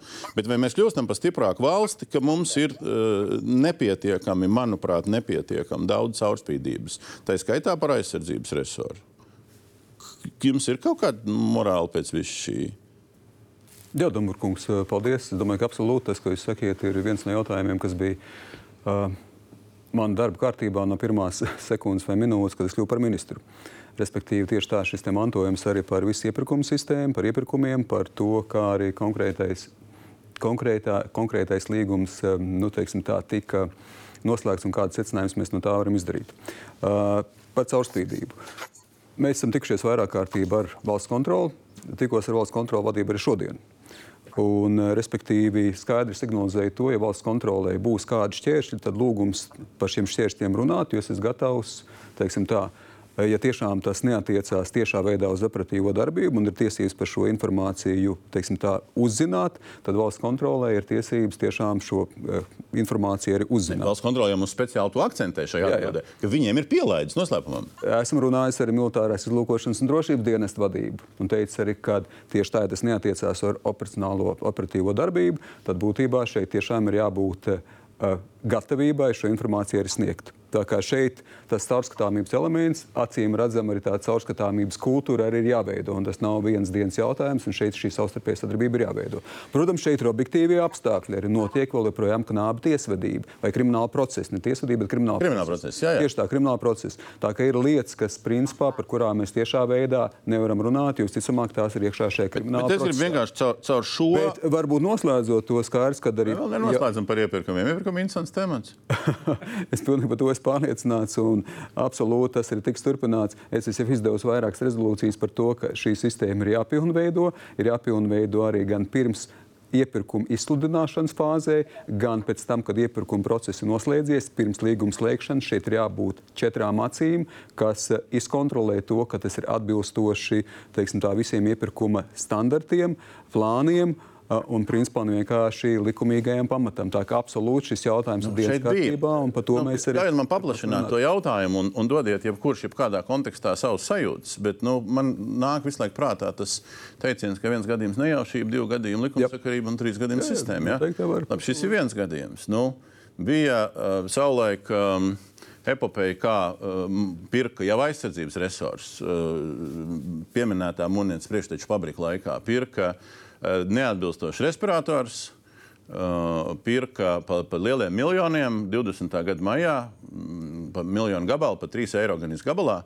Un tad izrādījās, ka viņi nekam nedara. Nu, nevis nekam nedara, bet uh, tam, kam viņi paredzētu, viņi nedara. Droši vien uz deguna viņus varēja uzlikt. Ja, un, un varbūt, ja smilts pūstu sejā, tad tas palīdzētu. Ja, bet, bet ne, uh, bet ne Covid jautājumā. Ja? Tad pagājuši divus mēnešus, vēl viena informācija gatavoties šai sarunai pieprasījām. Visi sarakstījušies šurp turpu. Tas iepirkuma centrs rakstīs ministrijai, ministrija rakstīs apkaļ.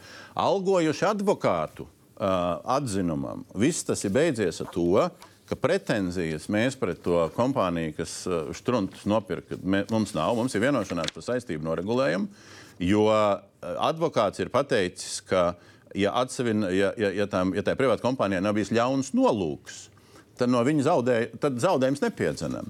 Viņi ir apmainījuši, viņi ir apmainījuši uh, to atlikumu, kas bija uh, pret kaut kādiem citiem respiratoriem, nu, kurš pēc tam varēja nopirkt desmit reizes lētāk. Ja?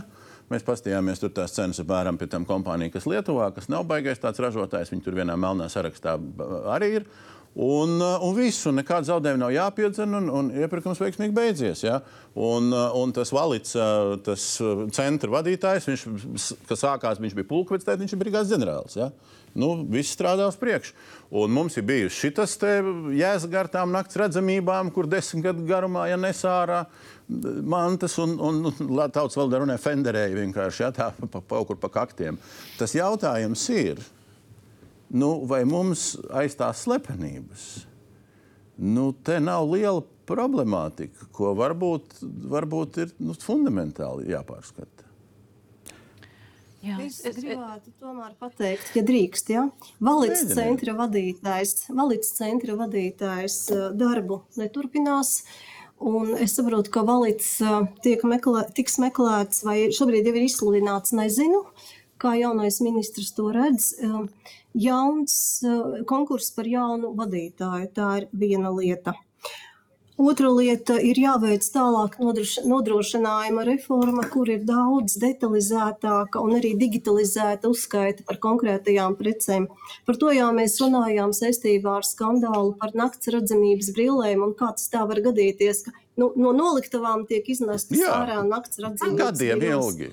Nu, tāpēc, eh, Bet nu, redziet, nu, deviņu, mēnešu, deviņu mēnešu laikā sakārtot visu valsti un arī aizsardzības monētu. Bet, nu, bet deviņu laikam, mēnešu laikā, kur ir uzsākta šī reforma? Kur viņi ir uzsākta? Jā, ir, uz, ir uzsākta, ir uzsākta nodrošinājuma reforma, trešā fāze. Arī pati esmu parakstījusi rezolūcijas.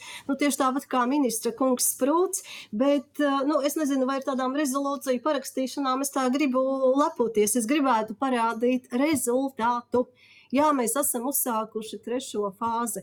Visam ir jābūt digitalizētam. Iznesot, piemēram, kaut vai tās pašas nakts redzamības brilles ārā, nu ir digitāli uzskaits sistēmā, tam ir jāfiksē. Vēl versijas par iepirkumiem. Par, Kas mums... Munits, kungs, ļaujiet, ļaujiet studijā es... pateikt cilvēkiem. Ļaujiet studijā pateikt. Kas ir komentāri? Kas ir bijis vai Mans komentārs tikai viens. Tas ir šeit arī jūtams rops arī tādā lietā kā militārā pretizlūkošana.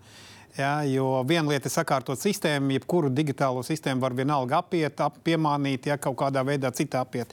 Tur jāskatās arī uz konkrētiem cilvēkiem, kas darbojas, un tur mums ir attiecīgi iestāde, kurai to būtu jākontrolē. Jo cilvēks, kurš ir korumpēts, ja, viņš ir viens soli, viņš ir vājš, viņš, viņš ir savērvējams arī no pretinieka puses. Precīzi. Tātad līdz ar to jāskatās arī uh, ne tikai uz kā mēs sakārtosim iepirkuma sistēmu, ja, bet kas tie ir tie cilvēki, kas šajā sistēmā darbojas. Jā.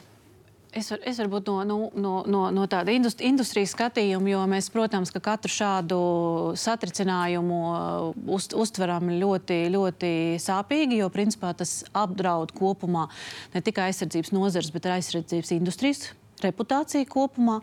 Un šādi satricinājumi, ja viņi netiek novērsti, tas, protams, rada situāciju, ka uzņēmumi nevēlas šajā sektorā strādāt. Un, ja viņu reputācija tiek pasliktināta, tad sadarboties ar šādām, šādām publiskām iestādēm tās vēlmes nav.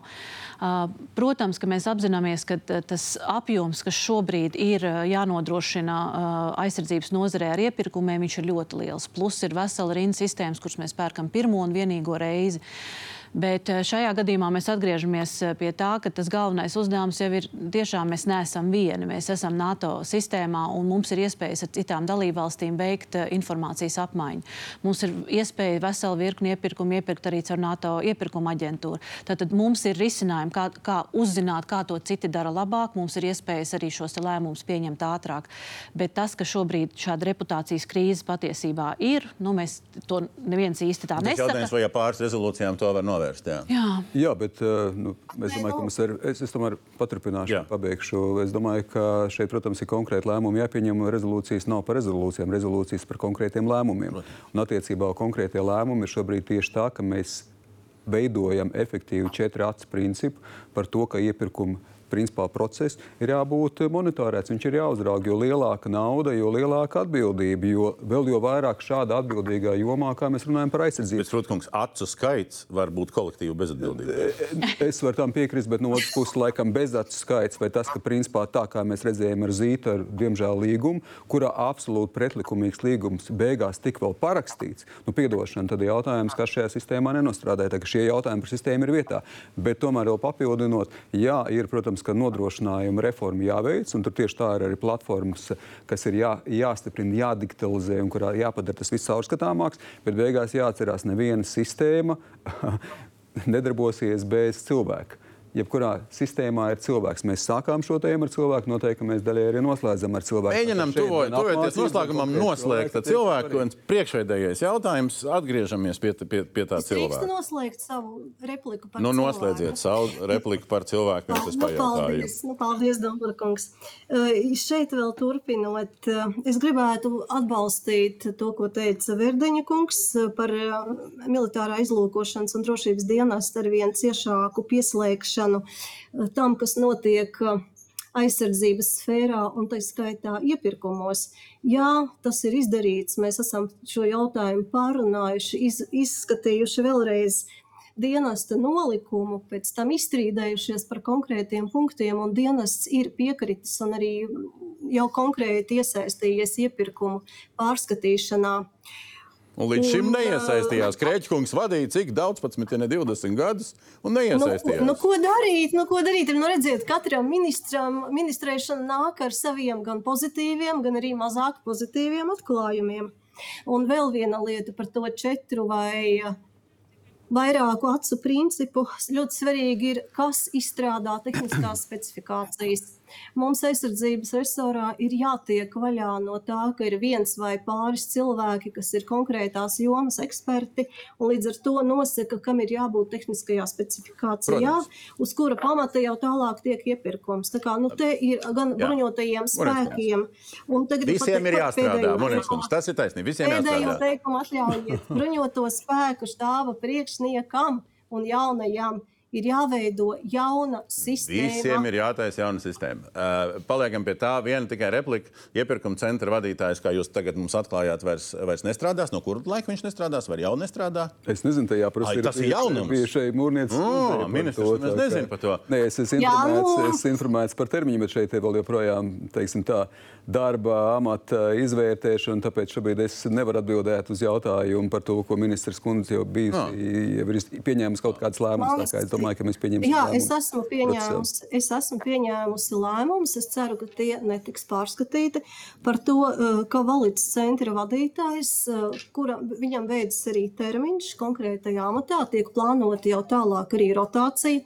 Un viņš ir nodots. Tur ir, tur ir dažādi termiņi, un es domāju, ka jaunais ministrs pieņems pats. Jā, skatīsimies, ko jaunais ministrs pieņems. Es vienkārši gribēju pateikt repliku, ka atšķirībā no valīts eh, centra vadītāja um, militārās izlūkošanas dienas vadītāja tikko apstiprinājusi vēl vienu termiņu, jau es vairs man jau jūku jau uzkūru. Ja? Tas jau nav pat ne otrais, ja? uh, un pat ne trešais, kad tik nebija tā. Ja, ne? um, no uh, 2003. gada. Jā, jā Zolīts stāsts. Uh, par tiem cilvēkiem. Viena bildīte, kas ir no Nacionālo bruņoto uh, spēku uh, mājaslapas. Un neliecieties, traucieties, ka tur ir Egils Levits. Tas NBS mājaslapā es pirms raidījuma vēlreiz pārbaudīju, vai es nekļūdos. Vēl aizvien tur ir valsts prezidents Egils Levits, uh, kur ir apraksts, kur ir apraksts par mums.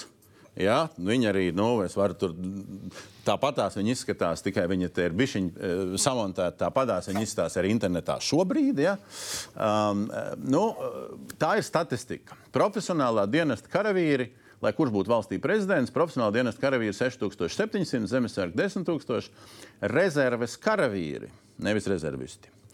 Um, rezerves karavīri 36 tūkstoši. Nu, tas ir pasludināts, kas ir mūsu cilvēku resurss.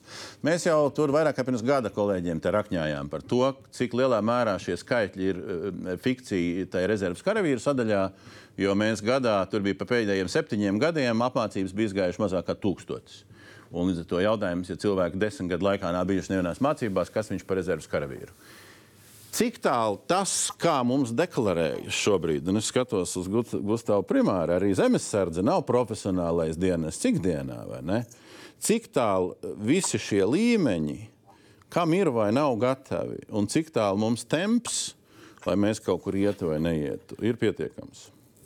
Es katrā ziņā noteikti varu piebilst to, ka nekas nebeidzas ar pamatapmācību. Jā, ar to 21 dienu kursu, kas vispār ir, lai vispār kaut kāda jā, izpratne būtu. Jā, un, Man ir ļoti daudz uh, paziņas jautājuši, klausies, nevar bez tā visa, ko jūs tur darat, vienkārši aiziet kaut kur pašaut iemācīties. Un tā vienkāršota atbilde ir tāda, ka militārā kustība kā tāda, ja mēs skaitliski vienmēr būsim iedzinējos pret uh, potenciālo ienaidnieku, ja, un mēs sūtīsim to, kas mums ir, un mēs nevaram, mums nav gaļa, ko mest virsū tankiem. Es vēlreiz saku, mums būs juristi, baletdejotājs un, un, un, un, un, un nomināls ja, nācijas visderīgākais, tāpēc ka mums nav.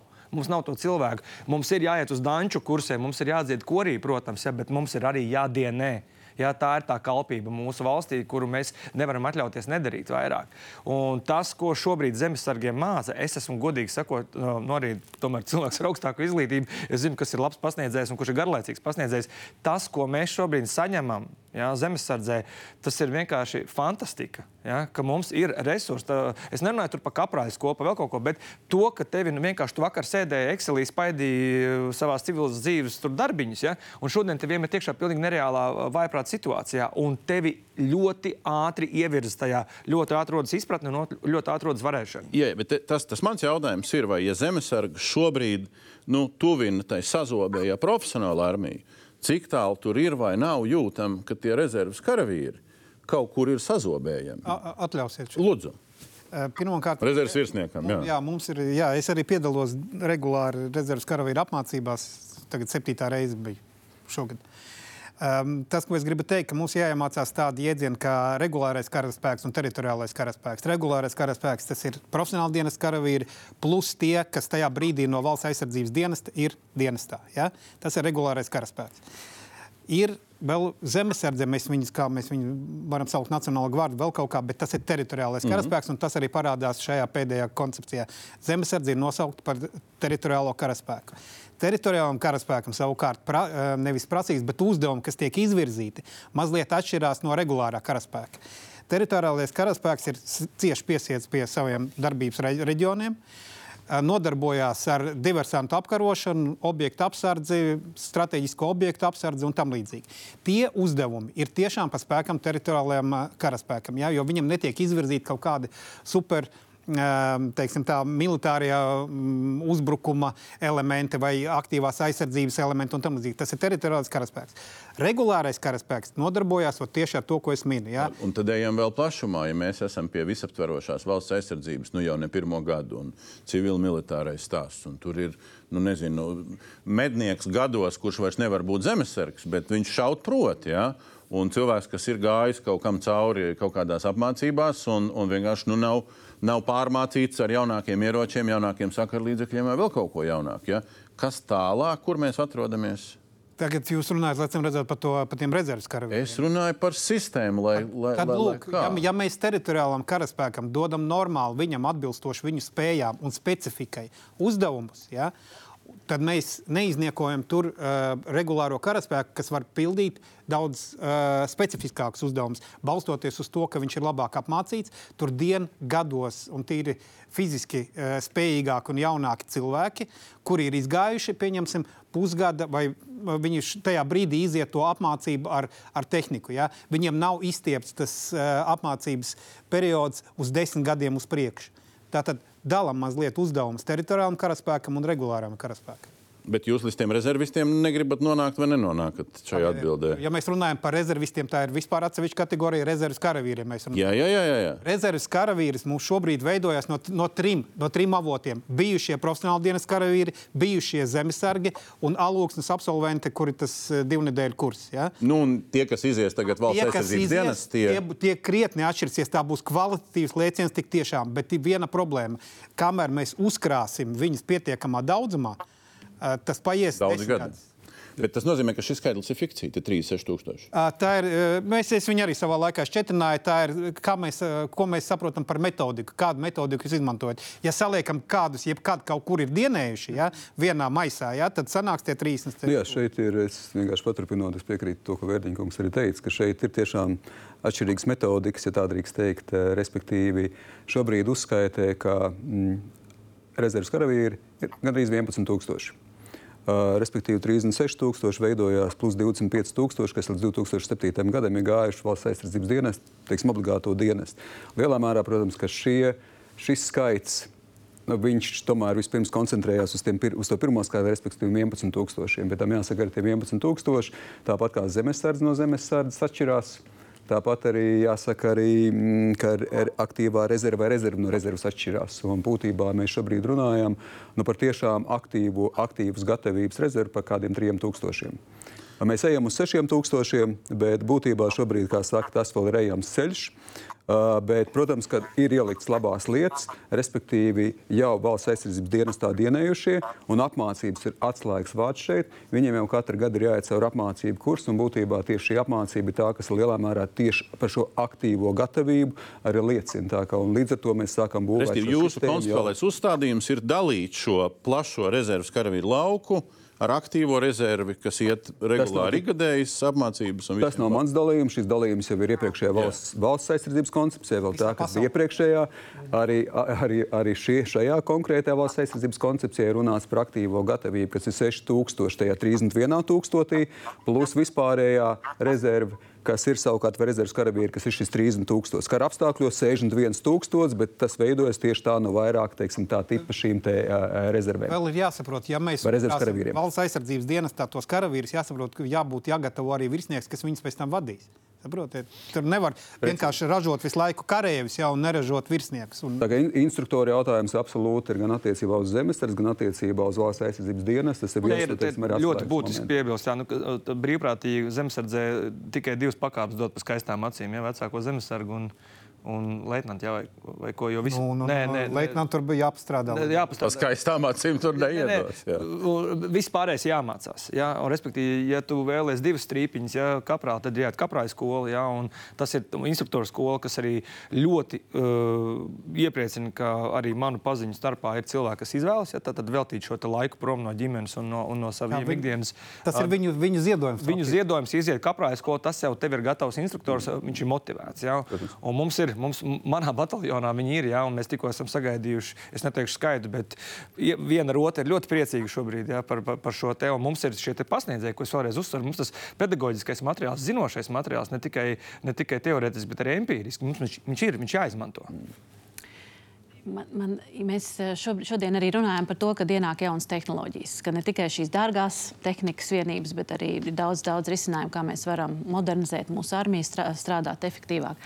Bet uh, tas, kas man arī būtu ļoti svarīgi, ka mēs šādu pašu varbūt, diskusiju kādreiz runātu par uh, industriālo kapacitāti, par industriālām rezervēm, par izēju materiālu rezervēm, par izēju vielu rezervēm, lai tā visa ekosistēma kopumā strādātu.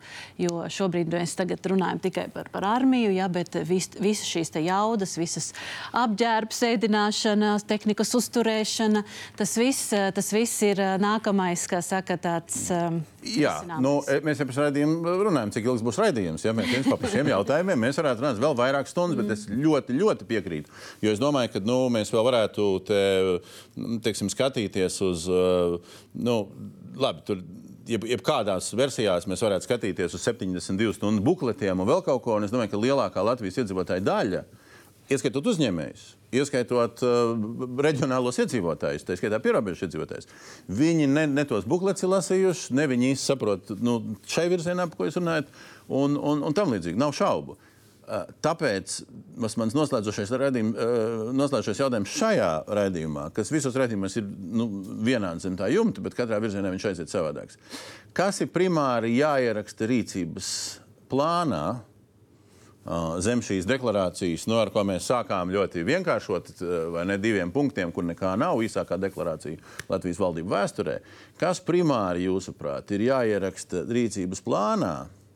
Lai mēs nepazaudētu kaut kādus akcentus zem šī visa. Nu, es saprotu, Eglis kundze sāk ar domu, ka, ka tur ir jāiet ārā uz, būtībā to pašu, ko Kažociņkungs saka, jāiet ārā uz civilo sektoru. Civil-militārā sadarbība viennozīmīga, bet šajā kontekstā es varbūt teiktu teikt tā, ka mums ir jāiekļaujās NATO un Eiropas Savienības spēju attīstībā. Mēs nebūvējam šīs spējas vieni paši. Mums ir līdz ar to jāsaprot, kas ir tas, ko mēs varam izdarīt, un kas ir tas, ko sabiedrotie dara. Un, un tad mēs varam nostiprināt šo, šo spēju kapacitāti. Kaut kādu vienu piemēru. Mums nu, noteikti ir arī jāliek liels fokus uz valsts aizsardzības mācību, kuru no um, akadēmiskā gada 24, 25 būs obligāts priekšmets, uh, jo tas ir veids, kā to paudzi, kura drīz būs pieaugušie, lai viņi saprastu, ka ir jālasa šīs, šis buklets, ir jānodrošina viņu vecāku un vecvecāki, lai viņiem būtu viss nepieciešamais, lai viņiem būtu arī motivācija vienai daļai iestāties regulārā karaspēkā, teritoriālā karaspēkā um, vai, vai arī iziet rezervistu mācības. Bet tas ir uh, viss tās trīs lietas kopā uh, - mācība, uh, dienests un visaptverošā valsts aizsardzība. Tas, tā, tas ir uh, kopums ko pa vairākiem gadiem cilvēki ir izveidojuši aizsardzības ministrijā. Un, ja to visu tagad saliks kopā, tad pa tiem trim, pieciem vai desmit gadiem, kas mums tiek doti, kopā ar sabiedrotiem, mēs tiešām būsim spējīgi aizsargāt katru centimetru. Tas nozīmē, ka šīs lietas abas, uh, nu, ko jūs sakat, trīs. Nu, trīs jā, bet, teiksim, nu, ja mēs runājam par civilu militāro, tad tas nozīmē, ka būtībā šai valdībai, nu, tas nozīmē, ka aizsardzības un iekšlietu ministrijām vismaz, un varbūt vēl virkne ministrijām dažādās jomās, nu, būtībā šīs lietas tur ir jāskaņo, jo mums tagad pa patvērtnēm pašvaldības sāk kaut ko domāt katra pa savam, vēl kāds kaut ko, vēl kaut ko pa savam, bet tam jau tam visam tur jābūt. Mūrnieks kundze apstiprinās, ka tādas mācības jau notiek. Uh, un ir notikušas vairākus gadus, bet nu, viņas ir, um, uh, protams, klasificētas. Ministra kungam pēdējais vārds šajā gadījumā. Ko vēl liekam no pateiktā vai neizrunātā rīcības plānā? Ja man būtu visu jāatmet un jāskatās tikai uz valdības deklarācijas, pateikt, ka gatavība krīzes un valsts apdraudējuma situācijām mums ir jāstiprina ar militārās izlūkošanas attīstību, pat es nezinu, uz kaut kādiem steroīdiem, steidzami. Hmm. Agrāks brīdinājums. Hmm. Okay. Nu, mēs jau vieni paši nu, nebūsim tie, kas visu varēs. Tāpēc jau mums tagad mūsu reģionā uh, ir, uh, ir um, uh, lidmašīnas. Kas, uh, es jau vairāk domāju, ka Bērniņkungs saka par to, ka tu, nu, to, to karu tur daudz ko tu vari vinēt ar galvu, ja, bez, bez tehnikas. Nē, es vēl runāju, mēs šeit runājam par to hibrīdu karšu. Diezgan, Jā. viņš ir hibrīdu apdraudējums. Viņš, tā, tā kā, viņš ir nu, tā, jau tāds pierasts. Es runāju par zemesliekšņa apdraudējumu. Zemesliekšņā to domājot 5. panta slieksni. Tātad tas scenārijs, kas mums ir visbīstamākais šobrīd, ir tas, Zem kur piektā. ze, zem piektā, jā, Kas nekvalificējās kurš nekval, piektajam. it kā acīm redzami nekvalificējas. Un no turienes arī radīsies arī tā iespējams tā nepieciešamība, lai mums būtu pašiem sava militārā izlūkošana pietiekamā līmenī. Bet tā nav militārā, tā ir drīzāk uh, valsts drošības dienesta kompetence. Un valsts drošības dienests, es jums varu droši apgalvot, ka pie tā strādā ļoti. Jā, jā, bet ir līmeņi, ir strateģiskais līmenis, ir operatīvais, ir taktiskais. Es runāju par operatīvo un taktisko šobrīd. Nu, uh, uh, jā, varētu tā uz to skatīties, bet uh, patiesībā tas taktiskais uh, uz vietas runājot ar cilvēkiem, tur jau viņi redzēs, vai kaut kas top vai kaut kas netop. Un ja pirms um, diviem gadiem kāds būtu teicis, ka pagājušajā gadā novāks um, uh, lielo uh, pieminekli pārdaugavā un ka tur nebūs lielas manifestācijas, neviens tam nebūtu ticējis. Un kā tas bija iespējams, jo viens no, īpaši viens no mūsu valsts drošības dienestiem, uh, valsts drošības iestādēm, valsts drošības dienests pie tā strādāja ļoti mērķtiecīgi kopā ar valsts policiju, lai nebūtu, lai tas viss noiet bez starpgadījumiem. Tad viena replika, varbūt tāda tīri praktiski, ā, ko es arī pamanīju ziņās ā, pirms pāris dienām, ka beidzot ā, sāk kustēties tas, ko sauc par kara medicīnu. Jā, kas ir ļoti būtiski. Un viens no ķirurgiem, kas devās brīvprātīgi, acīm redzot, palīdzēt uz Ukrajinu, viņš teica, man cilvēkam, kurš brauc uz Šveici, tur lekcijas lasīt, man nebija prātā ienācis, ka kara laukā tas viss ir pilnīgi savādāk, un mans diploms tur neko praktiski nenozīmē. Es pārspīlēju šobrīd. Ja. Kara medicīna, ja, tas ir ļoti specifiska lieta, kas ir, kas ir ja mēs gaidām kaut kādas nepatikšanas, tad tam ir jābūt. Paldies, Mūrniec, un īsā versijā līdzās tam visam, kas ir pateikts. Ko jūs novēlat, ne, es Jā. nezinu, ierakstīt un nepazaudēt rīcības plānā?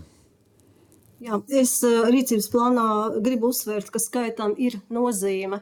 Un attiecībā no Krievijas mēs varam gaidīt dažāda veida scenārijus, tajā skaitā arī ļoti nepatīkamus. Varam runāt par laiku, kas mums ir atvēlēts 3 līdz 10 gadi, bet drošāk būtu turēties pie 3, jo redzam, ka Krievija ir pārslēgusies uz kara laika ekonomiku. Tāpēc uh, man. Es esmu diezgan droši par tiem lielajiem spēju projektiem, kas iet. Mans uzsvars būtu eh, NBS personāla sastāvs, turpināt, eh, palielināt personāla sastāvu, turpināt attīstīt valsts aizsardzības dienestu. Es esmu ļoti gandarīta, ka arī iekšlietas un robežsargi ir sākuši runāt par to, ka valsts aizsardzības dienests būtu attīstāms arī robežsardzē.